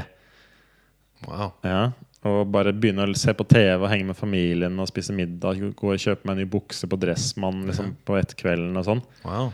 Og det handla egentlig Det kurset er veldig enkelt. Det handler om å forstå hjernens rolle i ting. Mm. Det handler om å skjønne at du kan skru av stress. Hva gjør stress med kroppen? Mm. Hva gjør tanker om ting? Altså placebo, nocebo. Altså det du tenker om noe, kan ha medisinsk eller en skadelig virkning på deg. Ikke sant? Eh, Du kan bli kvalm. Du kan tenke deg kvalm Mm. gjennom å få sukkerpiller. Det er fullt mulig. Yes. Du kan undertrykke smerte gjennom tanker. Altså Det er fullt mulig hva du tror om ting. Ja. Gjør mye med opplevelsen. Ikke alltid, men veldig veldig mange sykdommer og lidelser har en sterk effekt av det. Det er jo interessant, for det her vet du jo. ikke sant? Jeg syns det er interessant når du virkelig tenker på placebo, da. For det er en veldig sånn etablert ting i vitenskapen som vi bruker liksom for å teste ut medikamenter og sånne ting. Eh, hvor stor påvirkning det å bare virkelig tro at noe kommer til å Ikke sant? Det her er den nye eh, kreftpillen som er hetteste medisinen som kommer til å bare kurere alt. Ikke sant? Så bare, «Å ok, kult Tar du den sukkerpillen i noen uker, og så ser du at eh, kreften regresser med 30 ikke sant? Så er det sånn Det er jo ganske etablert, men, men det er interessant hvor hvor lite på en måte fokus vi faktisk har på det. da Hjernens evne til å skape denne Ja, denne enten helbredende da, men også på motsatt side nocebo, som du sa. Liksom skadelige, destruktive effekten. Som bare er Du fikk en idé som du tror på, og som skaper en massiv effekt. Så det er bare, igjen, et uh, sterkt bevis som det blir. Det blir liksom ikke den derre koko uh, pseudoscience-greia. det er liksom ganske veletablert. er kjempeetablert. Ja. Uh, så det er jo derfor på en måte det er viktig da Så det man innser da, er jo med sånne type generelt med sykdom da, Du skal jo på en måte ikke ljuge, men det er veldig skummelt å ta fra folk håp. Yes. Eller å dømme folk til å si sånn er veldig, altså Det kan hende bli årevis i seng. Ja. Istedenfor å si at jo, veit du hva, at 25% de blir faktisk helt friske, de. Ja. For, du kan jo si det på den måten, eller du kan si at 75% blir aldri friske. Ja. Det er hvordan du ser på det. Og det Mm. har jo klart mye å si hvordan du legger det fram. Så bare det for min del, bare det å få håp trigga jo åpenbart noe i meg. Mm. Og det da Og da på en måte, det er jo en positiv spiral, det òg. Altså det å dempe stress vil jo forbedre en ekstremt mange sykdommer. Altså, det er jo, stress vil jo gjøre sjelden noen godt. Ja. Så bare det er en positiv effekt. Så fra der så kan man kanskje ta nye grep og prøve nye ting. Så det er veldig dumt å, måtte, og se, altså se bort fra effekten stress kan ha. Uansett hvor fysisk eller psykisk du tror noe er. Hvis du utelukker den psyko psykologiske komponenten og ikke jobber med deg selv, så tror jeg du Da, du, går du glipp av veldig mye mm, positiv helbredelse. da Nettopp. og jeg tror, jeg tror de fleste kan si at de har ganske stort potensial å gå på når det gjelder måte, sin mentale tilstand gjennom en 24-timersperiode. Mm. Klarer du virkelig å gå rundt og smile og være lystig og glad og ikke tenke på fortid og ting som har skjedd og det som kommer, og gruble og tenke? De færreste er, har nok mange titalls prosent forbedring Ja. på hvor mye de klarer å være til stede. Mm. Nyte her og nå, ikke gruble og tenke for mye. Mm. Så det er, det er liksom bare helt latterlig å tenke at det ikke skal ha noe å si. At du ikke skal få noe ut av det, virker helt absurd å mene. Ja. Eh, bare generelt fordi stress og angst og bekymring hva det gjør med en kropp. Yes. Så ja, så det var liksom det som knakk koden. Da kom jeg meg ut av senga. Og da var jeg på en måte tilbake i hverdagen. Men du kan jo tenke deg selv, har du vært borte fra arbeidslivet i et par år nesten, og vært gjennom Det var en ganske traumatisk, sånn tung periode. Ganske tøft å begynne på nytt når du på en måte er redd for alt. da Jeg var redd for å ta min første busstur. Jeg var redd for å begynne altså sånn, måte, Du må lære deg at, hva som er trygt igjen. da Ja. du, må, du skjønner nå, du har forstått at ok, det er andre som har vært gjennom det. Det er, ikke fa klart det ikke er farlig å gå til postkassa, Ja. men du hadde begynt å tro det. Så du må på en måte trene deg til at det er ikke farlig. Det er ikke farlig til bussen, det er ikke farlig å gå på butikken. Det er ikke farlig å lese lenger. Du kan se på TV, du kan ringe noen, du kan sitte på telefonen, du får ikke vondt i hodet av å se på PC-en. Mm. Alle de tingene måtte jeg trene meg opp til å gjøre igjen. Ja. Alt. Det er ikke farlig å være oppe til 11 og føle seg litt trøtt. Du trenger ikke 13 timers søvn. Nei. Det er greit å være litt trøtt. Mm. Er hvis hjertet ditt slår litt fortere, det er ikke farlig. Det går an? Alle, sånne, alle kroppslige symptomer. Du blir så hyperfølsom og sensitiv og overdramatisk og katastrofetenkende. Ja. Fordi du blir så vant Å nei, det meg, gjorde meg dårlig, og det var verre. Altså, sånn, det er så mye sånn som skjedde. Så jeg måtte egentlig trene opp alle responsen min til alt i livet igjen. ja. Ja. Wow. Det var egentlig, ja, det følte, Men det var faktisk så dramatisk. Altså, sånn, Ja. Alle helt vanlige ting må jeg trene meg opp til å tåle igjen. For jeg hadde gjort ingen av de og trodde at alt gjorde meg verre. Bortsett fra å ligge bom stille og se i taket. Så det var sånn enorm eksponeringsterapi hvor du måtte bare liksom sakte, men sikkert Å, shit, den der frykten her er jeg nødt til å bare trenge meg gjennom. egentlig Og bevise, meg, bevise for meg selv at det ikke er farlig. Så en, Føler- viktig, ja, så en viktig del av det er jo det på skjønne hjernens rolle, lære et par verktøy for å stoppe stress og klare å skifte fokus. Litt sånn å lære seg å bryte, bytte tilstand da, fra Ja. stressa til glad, f.eks. Og så er det jo ut og bevise for seg selv hva som er mulig, for du må begynne å bygge en data, liksom databank med positive bevis. da Ja. Sånn at du kan støtte deg på det når du går videre. Yes. Så, ok, Kanskje gå en tur. Du gikk tre kilometer den dagen. Jævlig bra. Da veit du at det går. Og Hvis du på en måte seinere kjenner litt på at du ble litt sliten i dag, så har du allerede begynt å bygge bevis for at du, det gikk jo bra den gangen. Hvorfor, Hva som er annerledes nå? Og her kanskje er det hjernen min som begynner å falle inn i gamle mønstre igjen. Mm. Og nei, fikk jeg faen, begynte å få vondt i hodet altså, sånn, Jeg fikk jo vondt i hodet bare jeg så på en PC i starten igjen. Ja. For det, det, så, det var så automatisk. Det var så assosiert med fare. Og hjernen bare Oi, shit. Jobb. Det er, PC er jobb. Ja. Jobb, det gjorde deg dårlig. Ja. Her, har vi et, sånn, her er vi veldig på alerten. Og du får alle de der smerte- og faresignalene. Bare De fyrer så lett. Nettopp. De ligger så latent og klare til å iverksettes. Ja. Så jeg måtte på en måte trene opp til alle de tingene igjen. Så på en måte, ja, det blir litt sånn gradvis eksponering. Hva har du lyst til å gjøre? Altså Bygge en database av positive opplevelser med ting du fikk til. Trente, hang med venner, gikk Ja. ut og dansa, tok deg en øl. Ikke sant? Og alle de tingene var helt nytt. Det var sånn der, altså alt var sånn sjokkerende nytt. Det var liksom første gang du gjorde det. Ja. På lenge. Du føltes helt sånn absurd og surrealistisk. Bare gå seg en tur, være på butikken. Mm. Og det må alt trenes på. Så, det var på måte, så hun hjalp meg med det kurset, hjalp meg ut av senga og fikk meg liksom tilbake til hverdagslivet. Eh, og så, følte, så gikk det to år, så brukte jeg på en måte de verktøyene jeg har lært, og jobba meg opp til sånn Jobba litt sånn frivillig og deltid uten lønn og bare sånne ting. Gjennom Nav og sånn. Og så følte jeg fortsatt at altså Den perioden var jo det vi snakka med det med podcasten, at i den perioden de to åra, så følte jeg Jeg hadde på en måte fortsatt ikke omfavna kanskje helt hvor bra det var det jeg hadde lært. Følte fortsatt at jeg mangla kanskje noe. Jeg visste ikke helt hva det var. Og det var det vi snakka om, at den podkasten har vært en del i å prøve ekstremt mye greier. da for å på en måte bli friskere. Fordi ja, jeg var tilbake til hverdagen, men jeg var fortsatt ikke der hvor jeg hadde kunne starte min egen bedrift eller Altså, det var mange ting jeg hadde lyst til å gjøre. Tre, altså, sånn trening og sånn gikk bra, men det var liksom der, jobb var veldig sånn der stressende tema. Hva skal jeg gjøre med livet mitt? Liksom, kan jeg ha dame? Jeg tror jeg aldri orker å ha en samboer. Liksom. Jeg må jo fortsatt legge meg Jeg følte at jeg måtte hvile litt mer enn andre. Jeg var på en måte hverdagsfungerende, men det var, ikke, liksom, det var ganske mye igjen. Jeg følte meg mer sånn, sånn 50 meg, Ja. kanskje.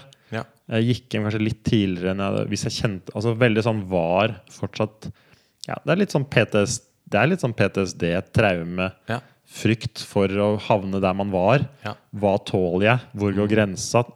Prøve teste. Ja, så det er liksom sånn, en veldig sånn, altså sånn Det er veldig, veldig hard jobbing for å komme ut av tøffe ting. Mm. Fordi du må gjen, gjennom alle de fryktene dine Ja. og forbi. Mm. Og, du må, og jeg var så mange ganger Faen, nå har jeg vondt i hodet igjen. Liksom, nei, jeg klarer ikke Si at jeg prøvde å lese 100 ganger da før jeg liksom fikk det til og bare kunne slappe av med det. For så fort jeg tok i boka, så kjente jeg at Oi, jeg er ikke sikker på altså, Du tror ikke helt på at du klarer det. Nei. Sånn var det nesten med veldig mange ting. Ja. Tåler jeg jobbe liksom, som begynner med en dag, og så bare Å, jeg er ikke sikker. Får noen tilbakefall, og så begynner du å skjønne at å nei, nå er hjernen, spiller hjernen et puss igjen. Ja. Så det er eh, ja. Hardt arbeid. Ja, det er veldig hardt arbeid.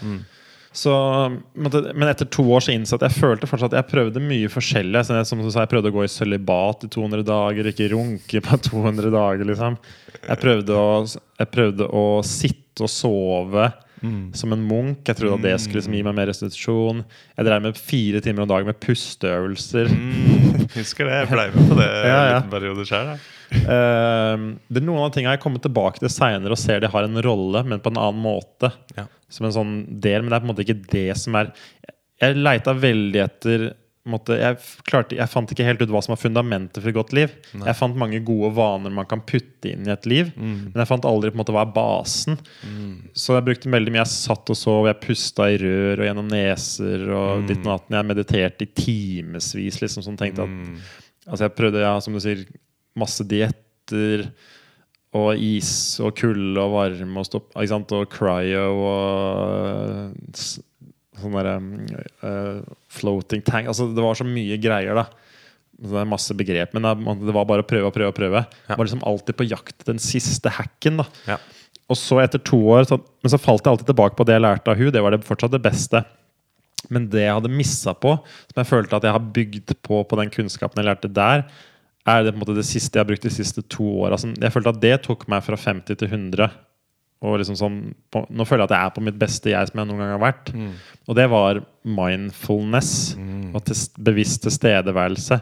Trening i mindfulness på en måte i hvert eneste øyeblikk. Altså hvor lite psykologisk reising driver du med? Det mener jeg. Hvor lite reiser du i tid i hodet ditt? Fortid, Yes. framtid.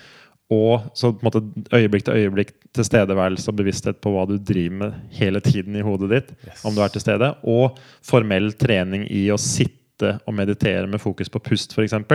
Ikke noe mystisk, bare at du trener oppmerksomheten din til å være her og nå. Og akseptere å være ok med at ting er sånn, og så er det sånn, og så er det sånn. At du ikke katastrofertenker, du henger deg ikke så mye opp i ting. Du kan la ting gå. Det skjer noe i kroppen. Ok, det er greit. Mens jeg var veldig sånn hypersensitiv for alle kroppslige sensasjoner. Redd for det. Ja. Så jeg måtte avlære alle de tingene. Og det jeg innså egentlig, det jeg, hadde, det jeg fant på de siste to åra, er at jeg fant nuet igjen. Jeg hadde mista nuet gjennom frykt. Fordi jeg hadde disassosiert meg fra nuet gjennom bare å bli så sugd inn i mitt eget hode og mine egne tanker at jeg var ikke klarte ikke å være til stede og fullt oppslukt av hvert eneste øyeblikk, sånn som jeg en gang hadde vært. For jeg var redd for på en måte å bli Det var veldig intenst for meg å leve. Jeg var så inni hodet mitt at det å gå ut og bare droppe tanker om min indre verden var på en måte noe jeg ikke var vant til lenger. Så når jeg innså det og begynte å trene på å være til stede, og så å komme opp med et eget begrep som jeg kalte for Som jeg kalt senere for vidunderøyne. Det var på en måte min Det var på en måte sånn som jeg konseptualiserte mindfulness i øyeblikk til øyeblikk for min del. var bare Vidunderøyne for meg, sånn som jeg sa at det var det jeg kalte det selv, og jeg kaller det fortsatt, er bare at jeg prøver å bli så oppslukt av det som skjer rundt meg, at jeg liksom ser på verden med litt sånn vidunder og bare å, At jeg blir liksom så sugd inn i opplevelsene rundt meg Ja. at jeg ikke klarer å være inni meg og gruble og tenke. Nettopp. Hvis ikke jeg har en plan om at jeg skal avgjøre eller beslutte noe inni meg, så skal jeg være ute av meg og til stede. Det er det jeg mente vidunderlig. At bare sånn, se litt hvor vidunderlige ting er. Bare, så jeg leika litt med bare å tulle nesten med å sitte på buss og sykle og bare se hvor oppslukt klarer jeg å bli av helt hverdagslige ting. Ja. Og ikke sitte og tenke.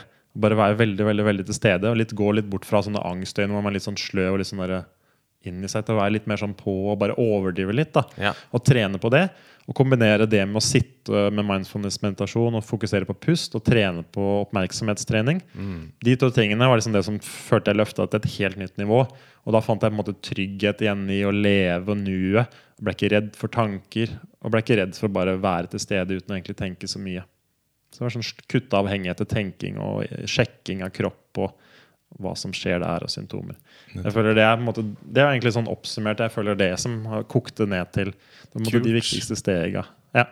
Veldig kult. Og der er en, så har du på en måte bare brukt den uh, kraften som ble det som uh, førte til din destruction, holdt jeg på å si. Ja, ja. Og på en måte snudd det på hodet. Ja. Og du ikke sant, brukt hjernen og trent hjernen til å heller være mer i øyeblikket. Få mer av det du vil ha. Nettopp gjennom å bare ikke sant, kontinuerlig lære den det. Bare fokus, fokus. Tilbake her okay, og nå. nå er jeg i tankene mine. Kom tilbake her og nå. Ja. Sammen med når du er Det er jo litt av grunnen til sånn fokusmeditasjon, i hvert fall òg. Det er jo liksom Tanker kommer til å komme, eh, men når de kommer, så kan du liksom bare Ok, vi prøver å fokusere tilbake på pusten. Være til stede, ikke sant? være i sansene dine, som er mer sånn tilstedeværelses... Mm. Altså Tips hvis man ønsker å komme mer til stede, er å fokusere mer på sansene sine. Hva er det man ser, hva er det man hører, hva er det, hvordan føles kroppen? Ikke sant? Hva lukter du? Mm. Uh, fordi det får deg automatisk ut av hodet. Og det virker som det var akkurat det som skjedde med den telefons, første telefonsamtalen nå. Ikke Ja, sant? At du bare fikk fokus ut, Ut av hodet. ikke inn. Nei. Og det er også en sånn Jeg husker ikke en kompis som sa det til meg også. Um, hvis du liksom føler at du, du gror veldig innover Det her var kanskje faktisk et tips i en eh, For hvis eh, jeg røyka weed, Ja. kunne det hende at man får en Og det er veldig vanlig. Man får en sånn angst. Mm. Ja, ja. Og at du går veldig innover. da Og tankene bare spinner ut av kontroll. Uh, men at en, som jeg lærte meg da Nå røyker jeg ikke så mye weed lenger, men uh, i den perioden uh, For det virker som den kan liksom skape litt den samme effekten. Ja, ja. Man kan, bli litt, man kan definitivt bli litt engstelig og litt sånn der trippy, bad trippy yeah. på weed òg. Men det å liksom da bare få det ut, bare gå og snakke med noen. Mm. Bare starte en samtale. Bare hva som helst. Selv om det inni hodet føles helt sånn Føles van utrolig vanskelig, egentlig, å skulle si noe som helst. Ja. Men å bare begynne å snakke For det er også en, en veldig fin måte å komme seg til stede i øyeblikket. Å sitte og snakke med noen Ja, ja. og være i en samtale. Absolutt. Og engasjere seg på den måten. Men man kan, man, men det er, man kan også absolutt sette ord på ting, og liksom det fjerner mye av frykten. Samtidig så kan man også snakke med noen og ikke være til, ordentlig til stede òg. Man sant. klarer på en måte å ha Jeg hadde også verdensmester i på en måte være litt sånn midt imellom, eller sånn Ja. 50% inni og litt ut. Og Absolutt. At Hadde du ikke er helt til stede. At Ja. du egentlig er ute og tenker, tenker eh, litt grann på ting. på Bare ha den gående. Ok, vi falt ut litt der, Ja. men vi er tilbake. Til stede. Til stede i øyeblikket. Um, Nei, vi, snak, vi snakka, eller vi snakka Det vi begynte å tenke, tenke på å snakke litt om, var jo bare det med det å være til stede. ja.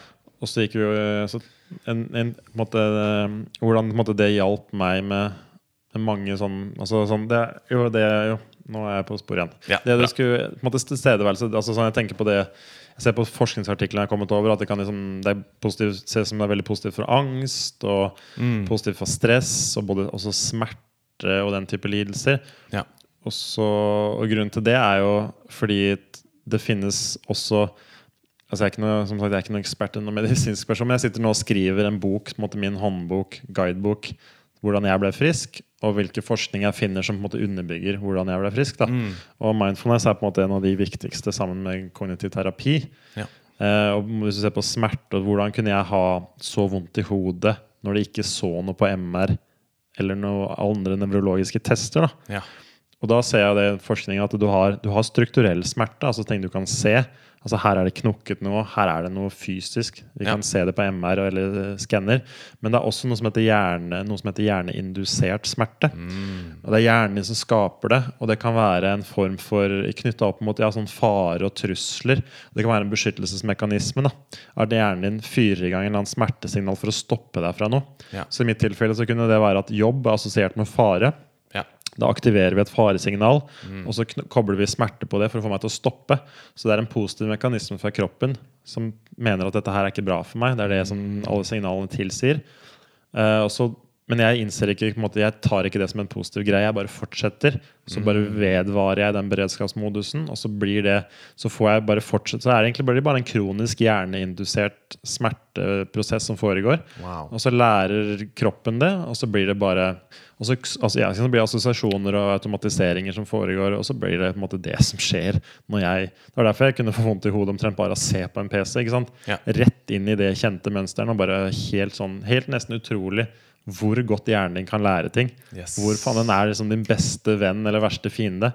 Og den er så rask til å kjøre i gang det du har brukt mest tid på. Det er derfor det med bevissthet og ubevisst og bevisst trening. Så jeg var ikke, jeg tror jeg hadde ikke snøring på hva som foregikk med, i hodet mitt, og hva, hvilken påvirkning det hadde på livet mitt. Nei. Det var ikke før jeg begynte, begynte også å se hva tanker gjør, og bli oppmerksom på hvor jeg var fra øyeblikk til øyeblikk, om jeg var glad eller stressa, Ja. at jeg forsto hva slags konsekvenser det hadde fysisk og psykisk. Ja. Så det er bare et eksempel på hvordan ting kan bli vedvarende og kronisk. Samme Ja. sliten, altså Det er masse mekanismer hjernen din kan sette i gang for å stoppe deg. Sånn som det med slitenhet. Du har jo eh, det fins f.eks. The, the Governor Theory, som er en sånn Det er på en måte sånn der, altså, The Governor er på en måte det hjernen din som stopper deg litt sånn. Den har liksom bremser, og den kan Så hvis du løper et maraton, så kan den være med på å stoppe deg tidligere for å unngå at du skal dø av utmattelse. da Ja. men så vet man også at governor, guvernøren i hjernen din den, også, den stopper deg litt tidligere enn du måtte, kunne ha gått. Ja. Så hvis du er idrettsutøver, så fant en som het en uh, sørafrikansk professor jeg glemmer hva han heter, Nice eller Noise eller et eller annet. Men han har skrevet om den governor theory da, i maratonløping og utholdenhetsidrett. Da ser de det at du har det er liksom sånn at det blir omtrent som å kjøre bil, og så kommer varsellampa på når begynner drivstoffet å bli lavt. Men du kan fortsatt kjøre en kvart tank til, nesten. Ja. Så, hvis du, måte, så hjernen din setter inn litt tidlig litt bremser. Så på slitne, så Det er på en måte en måte at hjernen din setter inn utmattelse tidlig for å stoppe deg. Du måtte tømme deg for energi. Liksom, nå er det nok, men du er ikke helt tom for energi. Nei. Du kan pushe videre og fortsatt fullføre de siste 20% av løpet. Men da må du, må du bare innse hvordan hjernen din kan lure deg til å tro at du, den kan sette i gang fysisk slitenhet da, i muskulaturen. til og med Så det er masse spennende prosesser som, du, som hjernen din kan gjøre. da Og det er ikke rart det da, i mitt tilfelle og andre at det går an å bli ganske syk hvis, her, hvis du gjør det ubevisst på dette, og trener på ting som, ja, som stress og slitenhet. Ja. Det blir liksom en del av hva hjernen din gjør til slutt. Nettopp. Så du, du kan liksom Ja. Det er wow. Så det jeg føler liksom det oppsummerer de viktigste Ja. tingene ja, det jeg liksom har lært. Utrolig fascinerende det med smerte. Men, og de, de kan jo oppstå som ryggsmerter, sikkert. Leddsmerter. Ja, ja, rygg, nakke, hode, kroniske Det er masse. Og det um, Så det er ja, alle de tingene. Så de har sett Så det er masse Så Ja, så man snakker om For man hører liksom folk snakker om at man, man eh, eh, lagrer stress, eller Mm. at det liksom kroppslig setter seg stress. Ja, du får noe få Er vondt i magen, liksom sånn. Så det er en måte, fordi da er det nervesystemet som, har liksom laget en, en bane, et Ja. mønster, som, som du lever ut. Og så er det på en måte lagret i deg. Ja, fordi det, det må jo oppleves av hjernen for at du skal kjenne smerte. Mm. For du kan jo oppleve? Du kan jo, som sagt, Det fins sånn historie om det er ganske kjent det med at du kapper av en arm eller amputerer. Så kan du fortsatt kjenne smerte i hånda som ikke er der. Ja. Og den smerten er jo hjernen din. ja. Ja. Så du må kjenne, hjernen må oppleves. Det er jo hjernen som må tolke alle smertesignal. Eh, så derfor, for eksempel, altså, En sånn morsom historie som jeg kom over, var jo Henry Beach, eller et eller annet sånt, en, eller annen, en amerikansk lege under, under andre verdenskrig, som opererte på eller tok inn skada pasienter og gikk tom for morfin. Jeg litt historie, men det er i hvert fall poenget er at han tok imot pasienter på et sykehus. Skrada, krigs, eh, skada soldater. Og så går han tom for morfin. Og så begynner han bare å gi saltvann på drypp ikke sant? og sier at det er morfin. Og opplever fortsatt at 40% av pasientene kjenner, får virkningen av morfin. da, av det. Og det er bare hjernen og, Så det funker på, på noen steder, så kan hjernen være med på å virkelig spille en Den spiller en veldig stor rolle i smerte. Ja. Eh, hvor stor grad varierer litt fra person til person, og hvilken type smerte. Jeg har sett mye forskjellig, men at det er en rolle der, virker ganske, ganske tydelig. Så det er ganske fascinerende hvordan eh, Og det ja, gjelder for egentlig all type smerte. Mm. Så du kan, Hjernen kan til og med utsette smerte. Det er noen ganger man på en måte ikke kjenner smerte før på en måte, faren er over. At du, bare, er- du er så i adrenalin og bare overlevelse, at, og så kicker smerte inn etterpå. Nettopp. Så det er jo masse ting hjernen din uh... Smerten er egentlig bare, det er bare et signal Ja, ja. fra hjernen.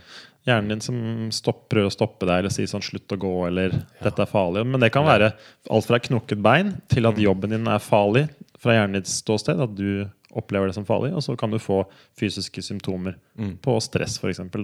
Vond nakke eller stiv nakke. Eller. Så det er eh, Shit. Ja, det er eh, Tror det her er eh, en rot til mye sykdom, Ja. tror du det, i dagens samfunnet vi lever i.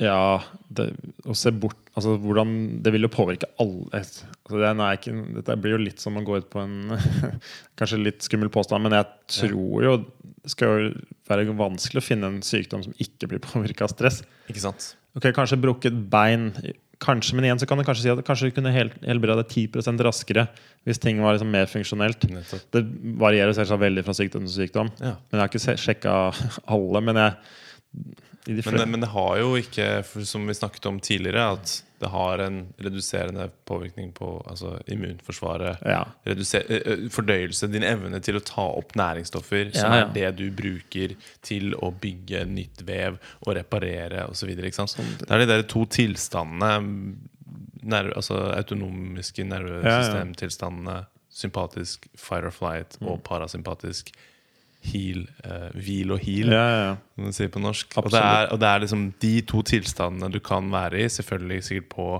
ulike deler av skalaen, men at det vil jo rent sånn logisk lønne seg, hvis man til hvert fall må tenke på helse og, og, og kurering av sykdom, å være mer i den parasympatiske. Fordi Klart det er, handler om å helbrede, det handler om å bygge opp og, og forsterke. Og Mm. det handler ikke om å krisemaksimere, liksom, som er det Fire or Flight er der til. da Ja, ja. Nei, så, uan, altså, så klart, ja, vær jo mer avslappa, jo bedre vil det være. Og på noen sykdommer så er det det som gjør deg syk, og på andre kan det bare underbygge helbredelsen. Men i mitt tilfelle, så andre, så er det jo mange som blir syke av stress. Ja. Det er jo, måte, det er jo Det de fleste blir påvirka av hverdagen, er jo ikke fysiske skader. Det er jo stresspåkjenninger Ja. og sitting, liksom. Så Men hvordan eh, Hvis du på en måte Hvis jeg kommer til deg og bare Ja, ting er kjipt. eh, og jeg vet kanskje at jeg, jeg har mye stressaktivering.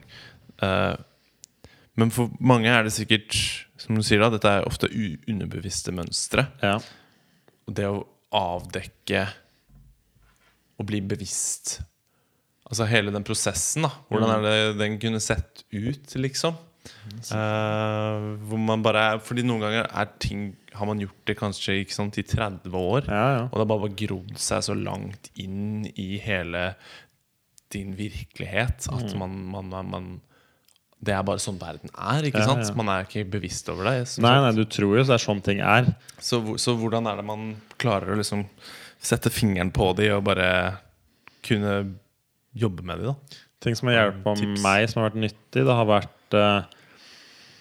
Én ting er jo altså, Jeg tror når du først får kunnskapen og på en måte blir bare sånn bare få forståelsen av hjernens rolle, hva det kan gjøre. Forståelse er ofte nøk altså Kunnskap er nøkkelen til å begynne også å tenke seg om ok, er det det som skjer. Hva er det jeg driver med, egentlig? Nettopp. Så bare den, den bevisstheten og forståelsen er et stort steg. Og det å ta det med seg hjem og så bare ha som hjemmelekse bare følge litt med. Bare sånn teste seg selv. Er jeg glad, eller er jeg ikke? Altså Veldig sånn svart-hvitt. da Har jeg det bra, eller er det ikke bra? Så begynner jeg å bli bevisst på den type. Liksom bare Når er det jeg har det bra? Når er det jeg ikke har det bra? ja, bare så enkelt. Altså bare begynne å observere seg selv. Liksom sånn, hvis du skulle tegna en sånn pai for dagen, da og så fordelt bra og ikke bra tid og Hvis du bare hadde vært og tenkt gjennom det en hel dag, liksom, hvordan hadde du fordelt det? Hvor mye var du bekymra, stressa, sint, irritert? Og hvor mye var du glad, avslappa? Altså alle de godfølelsene. Bare tenke veldig sånn enten bra eller dårlig. Det er på en måte ikke noe Altså bare se sånn type kartlegging. Du kan også bevise det for deg selv, tror jeg. Og så bare begynne å bli klar over at du kan generere glede. At Å generere mer energi. Det er ikke så, du er ikke så mekanisk som en bil. Ikke sant? En person som går på en jobb, og så en annen person som går på en annen jobb, kan ha en totalt forskjellig opplevelse av dagen. En kan komme hjem og bare legge seg på sofaen og bare Å, fy faen, om jeg skal gjøre det der igjen. Liksom. Nei, jeg blir så sliten. Og annen kommer hjem og bare Jeg hjalp så mange mennesker, og dette var en helt rå dag. Ja. Du har en helt annen opplevelse. Det er ikke sånn Din og min opplevelse av å jogge er den samme. Kanskje du hater jogging, jeg elsker jogging. Ja. Det gir og, liksom, Noe tapper deg for energi, noe gir deg energi. Så det er jo veldig mange sånn med ME som sier at jeg har så lite energi, må hvile så mye og sånn. Og tenker veldig sånn mekanisk at det er bare sånn Jeg har 100 energienheter, og det koster 10 øre sånn, og så koster det 50 å jobbe, og så er det 10 til barna. Men hva hvis min opplevelse er jo ikke den samme? Jeg får jo mer energi av å være med gode venner enn å være med noen som sutrer hele dagen. Ja. Så, på en måte, eh, så det, poenget mitt var bare bli opp, sant, lær å forstå hjernen, bli oppmerksom. Test deg selv gjennom dagen. Prøv å lage en liten pai, eh, altså se hvor mye som er bra og dårlig. Men det andre er at du faktisk må inn, begynne å innse og så ta deg selv i, eller bevisst kan jobbe med noen ved å bare prøve å generere mer positivitet her og nå. Da. Klarer du å gå fra å være litt sånn Litt sånn eh, daff eller halvveis til å bli glad på et øyeblikk. Yes. Og det er jo klart det er mulig. Det er jo bare å få inn noen valper og musikk og ballonger og fyrverkeri. Altså sånn, Ja. Bare innse at du kan ta deg ut av hva enn du sitter og surrer i her og nå, Ja. og bli en del av en eller annen fest eller eh, kose deg med valper. Det er jo ikke det, du, plutselig så skjer det noe med deg. Ja. Så, du må lære, så hvis du innser at det kan skje på et øyeblikk, hvordan skal du lære deg selv til å komme deg mer dit da, på egen hånd? Mm, Det er mange måter dit. For noen så er det bare en god sang eller Mm. god venn. Eller, men det kan også bare være å hoppe opp og ned og hoppe tau liksom er nok til å bare få deg litt ut av der du satt. da Yes. Så noe å hen- ta seg selv tidlig når man ikke har det bra, og gjør hva enn du trenger. Lær deg dine beste måter å komme ut av det. Mm. er veldig nyttig. For jo lenger du sitter i noe, jo mer blir det, setter det seg òg. Ja. Jo mer på en måte blir det din sinnsstemning. Jo mindre du er der, jo mindre vil det på en måte bli deg over tid. Ja. så ta deg selv litt tidlig når du ser at du ikke har det bra. Så kan det hende du bare holder å ringe en venn, og så føler du deg litt annerledes. Og så er du på et nytt spor. Og der kan, kan det også være For det er for meg også gjøre ting som får deg ut av Ja, denne For grunnen til at du ikke har det bra ofte, da er vel er fordi du er oppi hodet, ikke sant? Det er ikke noen annen grunn til at du ikke kan ha det bra. Nei. På en måte Men altså, det er for meg for eksempel, å okay, sette meg ned og spille litt gitar, synge litt, Ja, ja. eller sitte og skrive, eller gå en tur og liksom ja. Ja. Fordi hvis Du kan være lykkelig 24 timer i døgnet. Det er fullt altså det er opp, man, jeg, tror, jeg tror litt Det er litt sånn det føles litt sånn guruprat, men jeg tror vi har lagt lista litt lavt hva som er mulig òg i samfunnet. Mm. For hvorfor skulle du ikke kunne kanskje 20 timer av døgnet Altså det er jo positivt Altså Negative følelser har sin rolle. Hvis du kjenner at du er sint eller irritert, Ja. gjør noe med det. Ja, Hvis du ikke kan gjøre noe med det, så må du akseptere det. Ja. Og hvis du ikke kan gjøre noe med det, eller har lyst til å gjøre noe med det, så må du akseptere det. Betyr man du må være med det. Og da er det ikke noe mer å få gjort med det. Nei. Så da er jo, hvis øvelsen hele tida er å være til stede og bare gjøre ting som er her, nå, her og nå, Ja. så er det fullt mulig å være glad absolutt store deler av dagen. Fordi hvis du ikke tenker på framtida, hva som skal skje, og hva som har skjedd Fordi det er bare her og nå som er ekte. Det er ingenting annet som kommer til å skje akkurat sånn som du tror det skjer. Nei. Og det er ingenting i fortida som kommer til å gjenta seg akkurat sånn som det gjorde. Bare, men du kan jo stack, du kan jo på en måte være med på å skape at det vil ligne, altså du gjenta lignende opplevelser. Ja. Men det er på en måte bare her og nå som er en reell opplevelse. En ekte opplevelse. Yes. Så det er, det er jo kun du som skaper dritten i ditt liv. Ingen andre. Nettopp. Det skjer ting, ja, men det er kun du som kan respondere på det. Mm. Det, er ditt, det er ditt ansvar. Og det er på en måte det ansvaret jeg måtte lære meg. Ja. Ansvar for egen helse gjennom å få råd. Men det er til syvende og sist min oppgave uansett. Hvordan jeg tolker det, og hvordan jeg responderer, responderer til det. ja, det er min oppgave. Hva mitt fokus er. Ja. For det er noe jeg også har vært veldig sånn jobbet mye med. Fokus i eh, situasjoner. Mm. For det er alltid masse negative ting man kan fokusere på. Ja, ja, ja. Alltid det. Ja. Uansett, liksom. Alt. Men på andre siden nå så er det alltid positive ting å fokusere på. da Eh, Så det å liksom Selv om man kommer i en utfordrende situasjon, så har jeg blitt veldig flink til å si ok, her er en utfordring. Dette er kanskje litt tøft, men jeg vet at utfordringer er det jeg trenger for å, vokse. Mm. det her kommer til å Når jeg klarer å komme meg gjennom dette her, så har jeg blitt sterkere, og jeg har blitt mer av meg selv. Ja. Og, og, så derfor, og da, da bare snur jeg det på hodet, og så blir det plutselig en veldig positiv ting. Ja. det her er jo bare Det her er viktig for min vekst. Sant? Jeg vet at det ukomfortable er nødvendig for at jeg skal vokse. Og da blir plutselig det ukomfortable ikke så ikke like ukomfortabelt, i hvert fall. Enn om jeg føler at det er noe som jeg liksom Ja, er nødt til å rømme fra. Ja, ja. Uh, så det er ofte Man kan bare lære seg ved å bli mer bevisst. Og bare fortelle seg disse tingene uh, over tid. Um, og, og bare reagere til ting som tidligere var liksom Å nei, å, neg å uffa meg, å skjer dette meg? Ikke sant? Å nei, så typisk at dette skjedde. Å Ja, uffa meg. At man kan liksom bare ha en mer sånn Ja, ja, da skjedde det, liksom. Det det er verden. Den er uforutsigbar, og man får bare deale med det. Og det er mitt ansvar hvordan jeg velger å respondere på dette. Velger jeg å på en måte dvele og, og, og liksom mate den der negative energien som, som en del av meg kanskje har lyst til å gjøre? Eller velger jeg å liksom eh, heller ikke ta det så tungt og bare fortsette eh, med dagen? Ja. Så, og der er også eh, har eh, takknemlighetsøvelser. Det er jo blitt en sånn stor greie, men det har man jo faktisk også sett påvirker Altså at takknemlighet faktisk er en tilstand, en hjernetilstand, som bare er veldig, veldig positiv eh, for mye ting. Ja, og at man ved å f.eks. trene seg litt på å være takknemlig hver dag, så skrive liksom litt Jeg er takknemlig for sant, at det finnes eh, kaffe. Ja, ja. Jeg er takknemlig for at jeg har to bein som jeg kan gå en tur med. Jeg er Mm. takknemlig, takknemlig for at jeg har muligheten til å bo i Norge. Det burde vi være ekstremt takknemlige for. ikke sant? Ja, ja, Så, så det er alltid ting å være takknemlig for. Og det å bare da gjøre litt av det hver dag, så vil du, sånn som vi har snakket om mye i denne episoden, trene hjernen din til å gå mer dit. Til å gå inn i en mer sånn takknemlighetstilstand, hvor du er takknemlig for de tingene som skjer, eh, og takknemlig for hvordan du har det, selv om ting kan dukke opp og være vanskelig, og være litt kjipt, og være litt irriterende, så, så, så, treng, så er ikke det noe du trenger å liksom sitte og For det er, det, er, det, er, det er litt sånn jeg føler det. At man, det, er, sånn energi man kan mate. Ja, er liksom bare sånn Mate den negative følelsen. Men det har jo ingen funksjon Nei. annet enn å skape negative følelser, føler jeg, da. Altså, Sånn altså, det, jo, det kan ha en funksjon i at den skal fortelle deg noe, at kanskje burde du si ifra eller løpe eller eh, Ja. sånne ting. Så det er på en måte en funksjon, men de fleste moderne tilfeller så har det ikke en samme funksjon som måte, biologien opprinnelig hadde tenkt. Nei. Men det kan fortsatt være et signal på at du må gjøre noe. Ja, og det, det burde vi jo si. Liksom At dette er ikke noe, vi er ikke Nei. noen sånn positive thinkers. Nei, nei. eh, Så, men det er liksom sånn, sånn som uh, En fin måte å tenke på som liker jeg. Enten så, ja? Enten så kan du gjøre noe med det, eller så velger, har du lyst til å gjøre noe med det, og så må du gjøre noe med det. Hvis du ikke velger det, så må du velge å akseptere det. Ja. Og da må du bare så for det er. Og da vil jeg bare returnert til nå og prøvd å være mest mulig til stede. Hvis du ikke har tenkt å gjøre noe med det. Nettopp.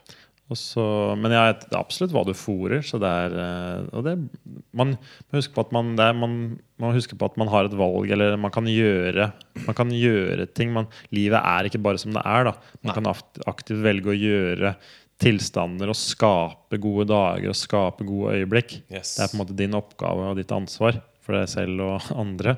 Ja. Så det er jo det det bunner i.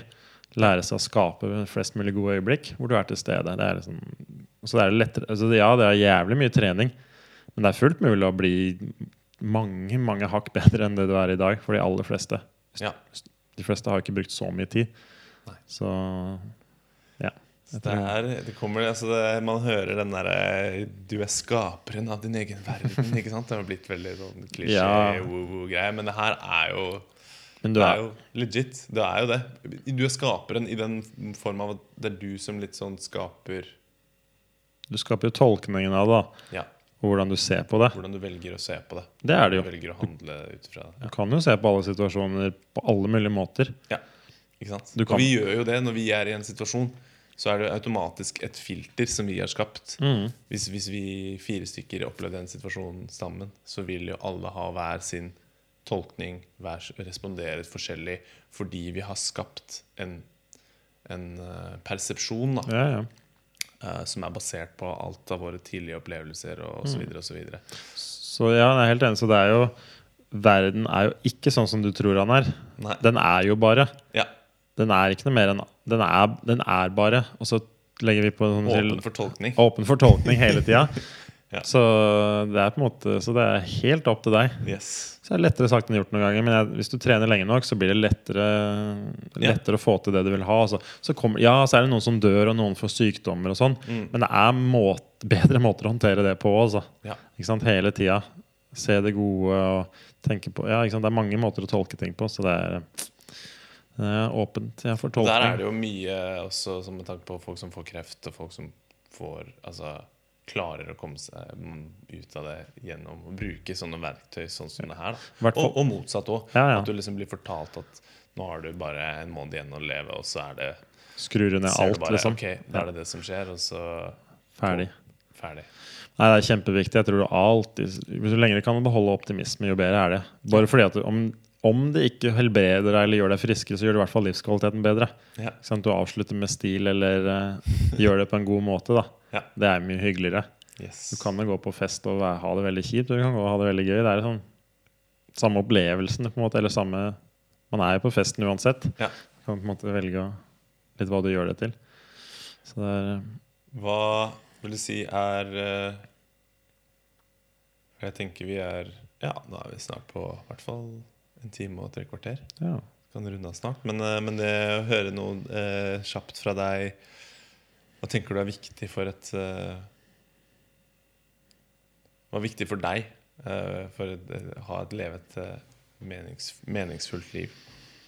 Det er jo ja, viktig for meg Jeg måte, Jeg tror at jeg er den- den som kan best ivareta min egen lykke. da Ja. Det liker jeg. Jeg har hørt mye på Naval Ravikant, hvis du Mm. kjenner han. Nei. Nei, fantastisk. En av de beste tenkerne rundt entreprenørskap og bare sånn Bare hvordan du skal rigge et fornuftig liv. da Han er jævlig Han har vært på Team Ferris Ja. og Joe Rogan er jævlig, jævlig skarp. Ja. Han har jobba mye i Silicon Valley, men han er fantastisk glup. Og jeg er helt enig med han. Jeg synes Det jeg plukka opp der, og det som jeg lever mye etter, er det at jeg tror jeg best forvalter mitt eget liv. Mm. Og jeg tror ingen andre på, på stor skala klarer å forvalte sånn som jeg ville gjort det for å ha det best mulig. Nei. Så jeg har veldig troa på småskala, enten sånn, som driver for deg selv eller i små grupper. Eh, fordi du fordi da kan jeg inkorporere trening og meditasjon og nedetid og hvile og ro og fleksibilitet og, sant, og justere arbeidsmengden. Jeg tror de fleste sånn som jeg så under korona, jeg tror de fleste jobber kanskje 20% for mye. Mm. Og hvis du hadde satt av det til å hente barna tidlig, lage middag sammen, trene, meditere, Mm. og så hadde du fått mye mer rom. Jeg tror mange fikk ro når det var litt mindre styr etter korona, det var litt hjemmekontor. Det bare dempa litt Ja. jaget. Mm. Så jeg tror den å forvalte egen tid er kjempeviktig. Og jeg føler det å sette seg i en posisjon hvor man kan forvalte mye av tiden sin, er veldig veldig fornuftig. Jeg føler det har blitt så mye Jeg kan liksom ta vare på meg selv på en helt annen måte. Yes. Sove litt lenger når jeg trenger det. Meditere, trene. Alle de tinga. Være med venner. Så jeg får veldig veldig, veldig mye glede ut av å strukturere min egen hverdag. Mm. Og så liksom Det er poeng nummer én. Forvalte ditt eget liv. Mm. Og så er det jo det er også Et annet viktig poeng for meg som har vært å legge bort frykten for å mislykkes og ikke ha penger, eller måtte måte det å være OK med å måte måtte selge alt jeg har for å bygge opp det jeg har lyst til å ha. For livet er så kort, da, jeg har lyst til å ha det veldig veldig bra. Mm. Så jeg måtte bare forsone meg med tanken på at kanskje jeg må bo i Hvis jeg måtte, så hadde jeg bodd i telt utendørs på Sognsvann Mm. til jeg fikk det til. da Mm. Om det var seks måneder. på en måte Jeg var i hvert fall villig til å gå dit. Mm. Og så bor du i Norge, og ting ordner seg stort sett. og sånn Mm. Men poenget var at jeg var liksom så redd for det i starten. Liksom, nå, nei, nå hadde jeg kjøpt meg leilighet, nå hadde jeg den jobben. Hvordan kan jeg gå ned 100 200 000-300 000? Men noen ganger så må du ta et steg tilbake for å komme deg på riktig vei. Så jeg føler at de to prinsippene forvalter din eget liv på den måten du har lyst til å forvalte det, for du har ett liv, Og så liksom ikke være redd. Altså på en måte tørre å tenke tanken worst case hva. Ok, Hvis jeg, får, hvis jeg på en måte klarer å leve med det, så kjører vi på. Det går ikke så ille som du tror. Masse å lære. Du kan alltid gå tilbake igjen. Tør også selge hus og bilen. Hvis, det er ikke noe must å gjøre det. Det er på en måte bare et eller annet mentalt som jeg måtte ha på plass for å tørre å hoppe i det. Nettopp. Og så tørre å ta de sjansene og så ikke bli ikke, ikke la frykt aldri skal være det som styrer meg. da på en måte, Å nei, hva hvis jeg ikke tjener, eller hva hvis Aldri det. Nei. Forvalt mitt liv, og så ikke la frykt styre. Og Hvis jeg kjenner på frykt, så, er, så føler jeg ofte at det er et godt signal. For litt sånn usikkerhet. Dette er, ikke, dette er litt utfordrende. Jeg kjenner litt sånn åh, ah, Dette er litt sånn utafor komfortsonen. Men jeg føler ofte det har vært de beste indikatorene på å gå for det. Ja. Ja. Det er vel kanskje sant. en sånn ting jeg syns er nyttig. Ja. Ja. Veldig, veldig fint. Ja, du, du, du, du sa det så fint med For jeg tror for mange er Ikke sant? Du, du har kommet deg inn i en jobb og en hverdag, og du har bills to pay, og du har ikke sant, unger, og, og, og hvordan skal jeg bare forvalte mitt liv når jeg har på en måte eh, rota meg inn i denne tilværelsen, da. Men er sannheten da Tenker du at mange Altså tips da til å, å, å komme Men Det blir jo litt den samme, da. Det å, å, sette ned og bare sånn Ok, hva er prioritetene mine? Hva er det jeg trenger? Hva hvis jeg hadde Ok, hvis jeg hadde denne tingen som jeg har lyst til å utforske, som kommer til å kreve at jeg ikke tjener like mye Kanskje jeg må ned i en 50 %-stilling, da. Eller en, starte med en 70 %-stilling. Eller bare sånn det, noe, det, det her er ikke noe man trenger å gjøre. Bare sånn Nei, Nå skal jeg selge bilen, jeg selger huset, jeg slutter jobben, og så bare setter vi i gang. Nei, men det er noe med å bare begynne. Og så kan det hende at ja, sånn Jeg tenker sånn praktisk Det kan hende at eh, hvis det er viktig nok for deg, så kanskje du må jobbe ja, 80 da. Mm. Finne en jobb hvor du kan jobbe 80 Det er én dag i uka setter du av til det du måtte over Det er dagen du skal jobbe med prosjektene for Ja. å på en måte exit-strategien din. Det er ikke, jeg tror ikke nødvendigvis at det er noe gitt at det må bli veldig lykkelig av å selge alt man har og bo i telt. Nå er det noe med å bare bli kvitt frykten. Men jeg tror det finnes Ja. enklere Jeg hadde heldigvis mulighet til å begynne litt på nytt. Mm. Bare sånn, Det var bare der jeg var. Men ja, som du sier, jobbe 80% da. Men liksom tørre å begynne i det små. Det er er, det. nei, de fleste har gjerne ganske mye unødvendige utgifter òg. Det er mulig å Det er stramme inn litt Se her. på utgiftene sine. Kan jeg kjøpe litt eh, Ok, kanskje jeg må droppe å kjøpe økologiske grønnsaker, liksom. Og kjøpe billigere. Kanskje jeg må kjøpe mer billigere, Spise mer poteter og ris, liksom. Ja, ja. Og, og, For å klare klare det. For å klare det, for å få det til. For jeg tror den der, Og det også, ikke sant Ha den ene dagen hvor du jobber med de prosjektene. Det å bare føle at du bare i hvert fall tar et bitte, bitte lite steg liksom, i løpet av en uke. Mm. Ja. Nå har jeg brukt to timer på å ikke sant, male. Som, Mm. var det, som er det jeg syns er det beste å gjøre. Og så eh, bare kjenne at du er på vei, da. Ja, det er veldig Uansett om det bare er en bitte, bitte liten ting. Så det er bare de, de små tingene over si tre år, da. For det er også noe jeg tror er viktig i denne eh, sammenhengen her. Mm. Som jeg tror vi er veldig dårlige på i vår kultur. Å se et mer langsiktig Ja, Og bare sånn Hvor er jeg om fem år? Ja. Fordi jeg tror vi er veldig sånn Ting skal skje nå. Ja. Det her skal, jeg skal få denne drømmejobben min ikke sant? Mm. i løpet av de neste månedene. Ja, ja. Eh, og hvis jeg ikke merker at det er på vei i den graden som jeg ønsker, så, blir man, så gir man opp. Og så blir man, ikke sant? Men at man må, må, se det mer langt der borte Ja. og ta bitte små steg i starten. Og så blir de stegene etter hvert større. Mm. Og så bygger man et momentum.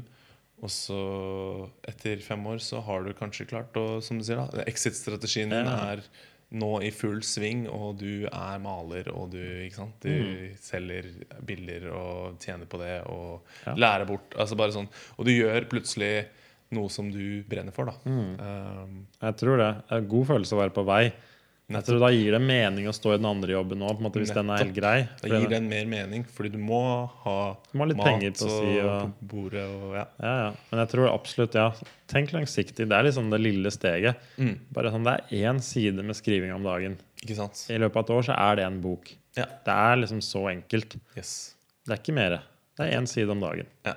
Det er liksom ti pushups her og ti pushups der. Ja. Det blir noe ut av det. Det blir det. Ja. Så det er bare å, jeg, tror, nei, men det, jeg tror det er en veldig god måte å gjøre det på. Ja. Da tror jeg det er flere som kan gå ut og være en del av sånn helt greit jobbinga. da. Det syns jeg er litt sånn synd. Nettopp. Til å føle mer mening. Og det vil igjen gi deg mer livsgnist, som du vil igjen ta med inn i jobben din. Ikke sant? Og så blir det bare Ja, det er lettere. Det er noen ganger man må jo gjøre. Kan ikke bare sitte og være aksept, akseptere og være mindful. Nei. Det er noen ganger bare du må gjøre litt endringer i livssituasjonen òg. Ja. Det er liksom ikke, skal ikke pine seg gjennom Nei. alt mulig rart heller. Og det at den, den Hvis det er den kjipe følelsen, da det, For det er interessant. Jeg hadde en podkast med en psykolog. Vi snakket om følelser. Og det, det er signaler, da. ikke sant? Så det at man lytter på den, Ja. og den prøver å fortelle deg at det er en, kanskje en endring som er nødt til å skje. Eh, fordi nå er det et eller annet som ikke stemmer, med, med tanke på hvor du er på vei, og med tanke på hvem du egentlig kanskje er. da Nice! Bra. Det var fint, det. Da var klokka tolv. Er det Bjørne, sykt hyggelig å ha deg her. hyggelig å få Eh, komme. Hva er du holder på med om dagen? Hvor er det folk kan eventuelt eh, kontakte deg hvis de er interessert i å lese boka di, eller er- kanskje veiledning, eller den slags? Det er um, gutteterapi må folk høre på. Det må dere også høre på. Det er bare humor og tull og tøys. Og så det, har jeg en hjemmeside som er oppe og går, men jeg er ikke helt funksjonell med tanke på at boka er ikke på plass ennå. På bjørnebjørnson.com eller bjornebjørnson.com. Bjorne Så der skal jeg slippe boka. Og, Nice. Eller skal promotere det og sånne ting. Men det blir liksom det som er eh, neste steg. Ellers er jeg på EVO Vika. Ja. Jeg jobber på treningssenter EVO Yes. i tillegg. Ja. Sweet. Takk for Jo. eh, Takk for at Podden. jeg fikk komme. Ja. Det var hyggelig. Så får vi se. Kommer det sikkert til å røske det med deg igjen. Jeg føler det Ja. fortsatt er masse ting vi Ja, vi kan sikkert ta tak i For nå- tenkte jeg på slutten bare sånn Ok, sette gode rutiner og planlegging og alle disse tingene for å kunne da strukturere det livet man ønsker. ja, det. Men det tar vi neste tar gang, vi neste gang. folkens. Ok, Smørjesus signing off.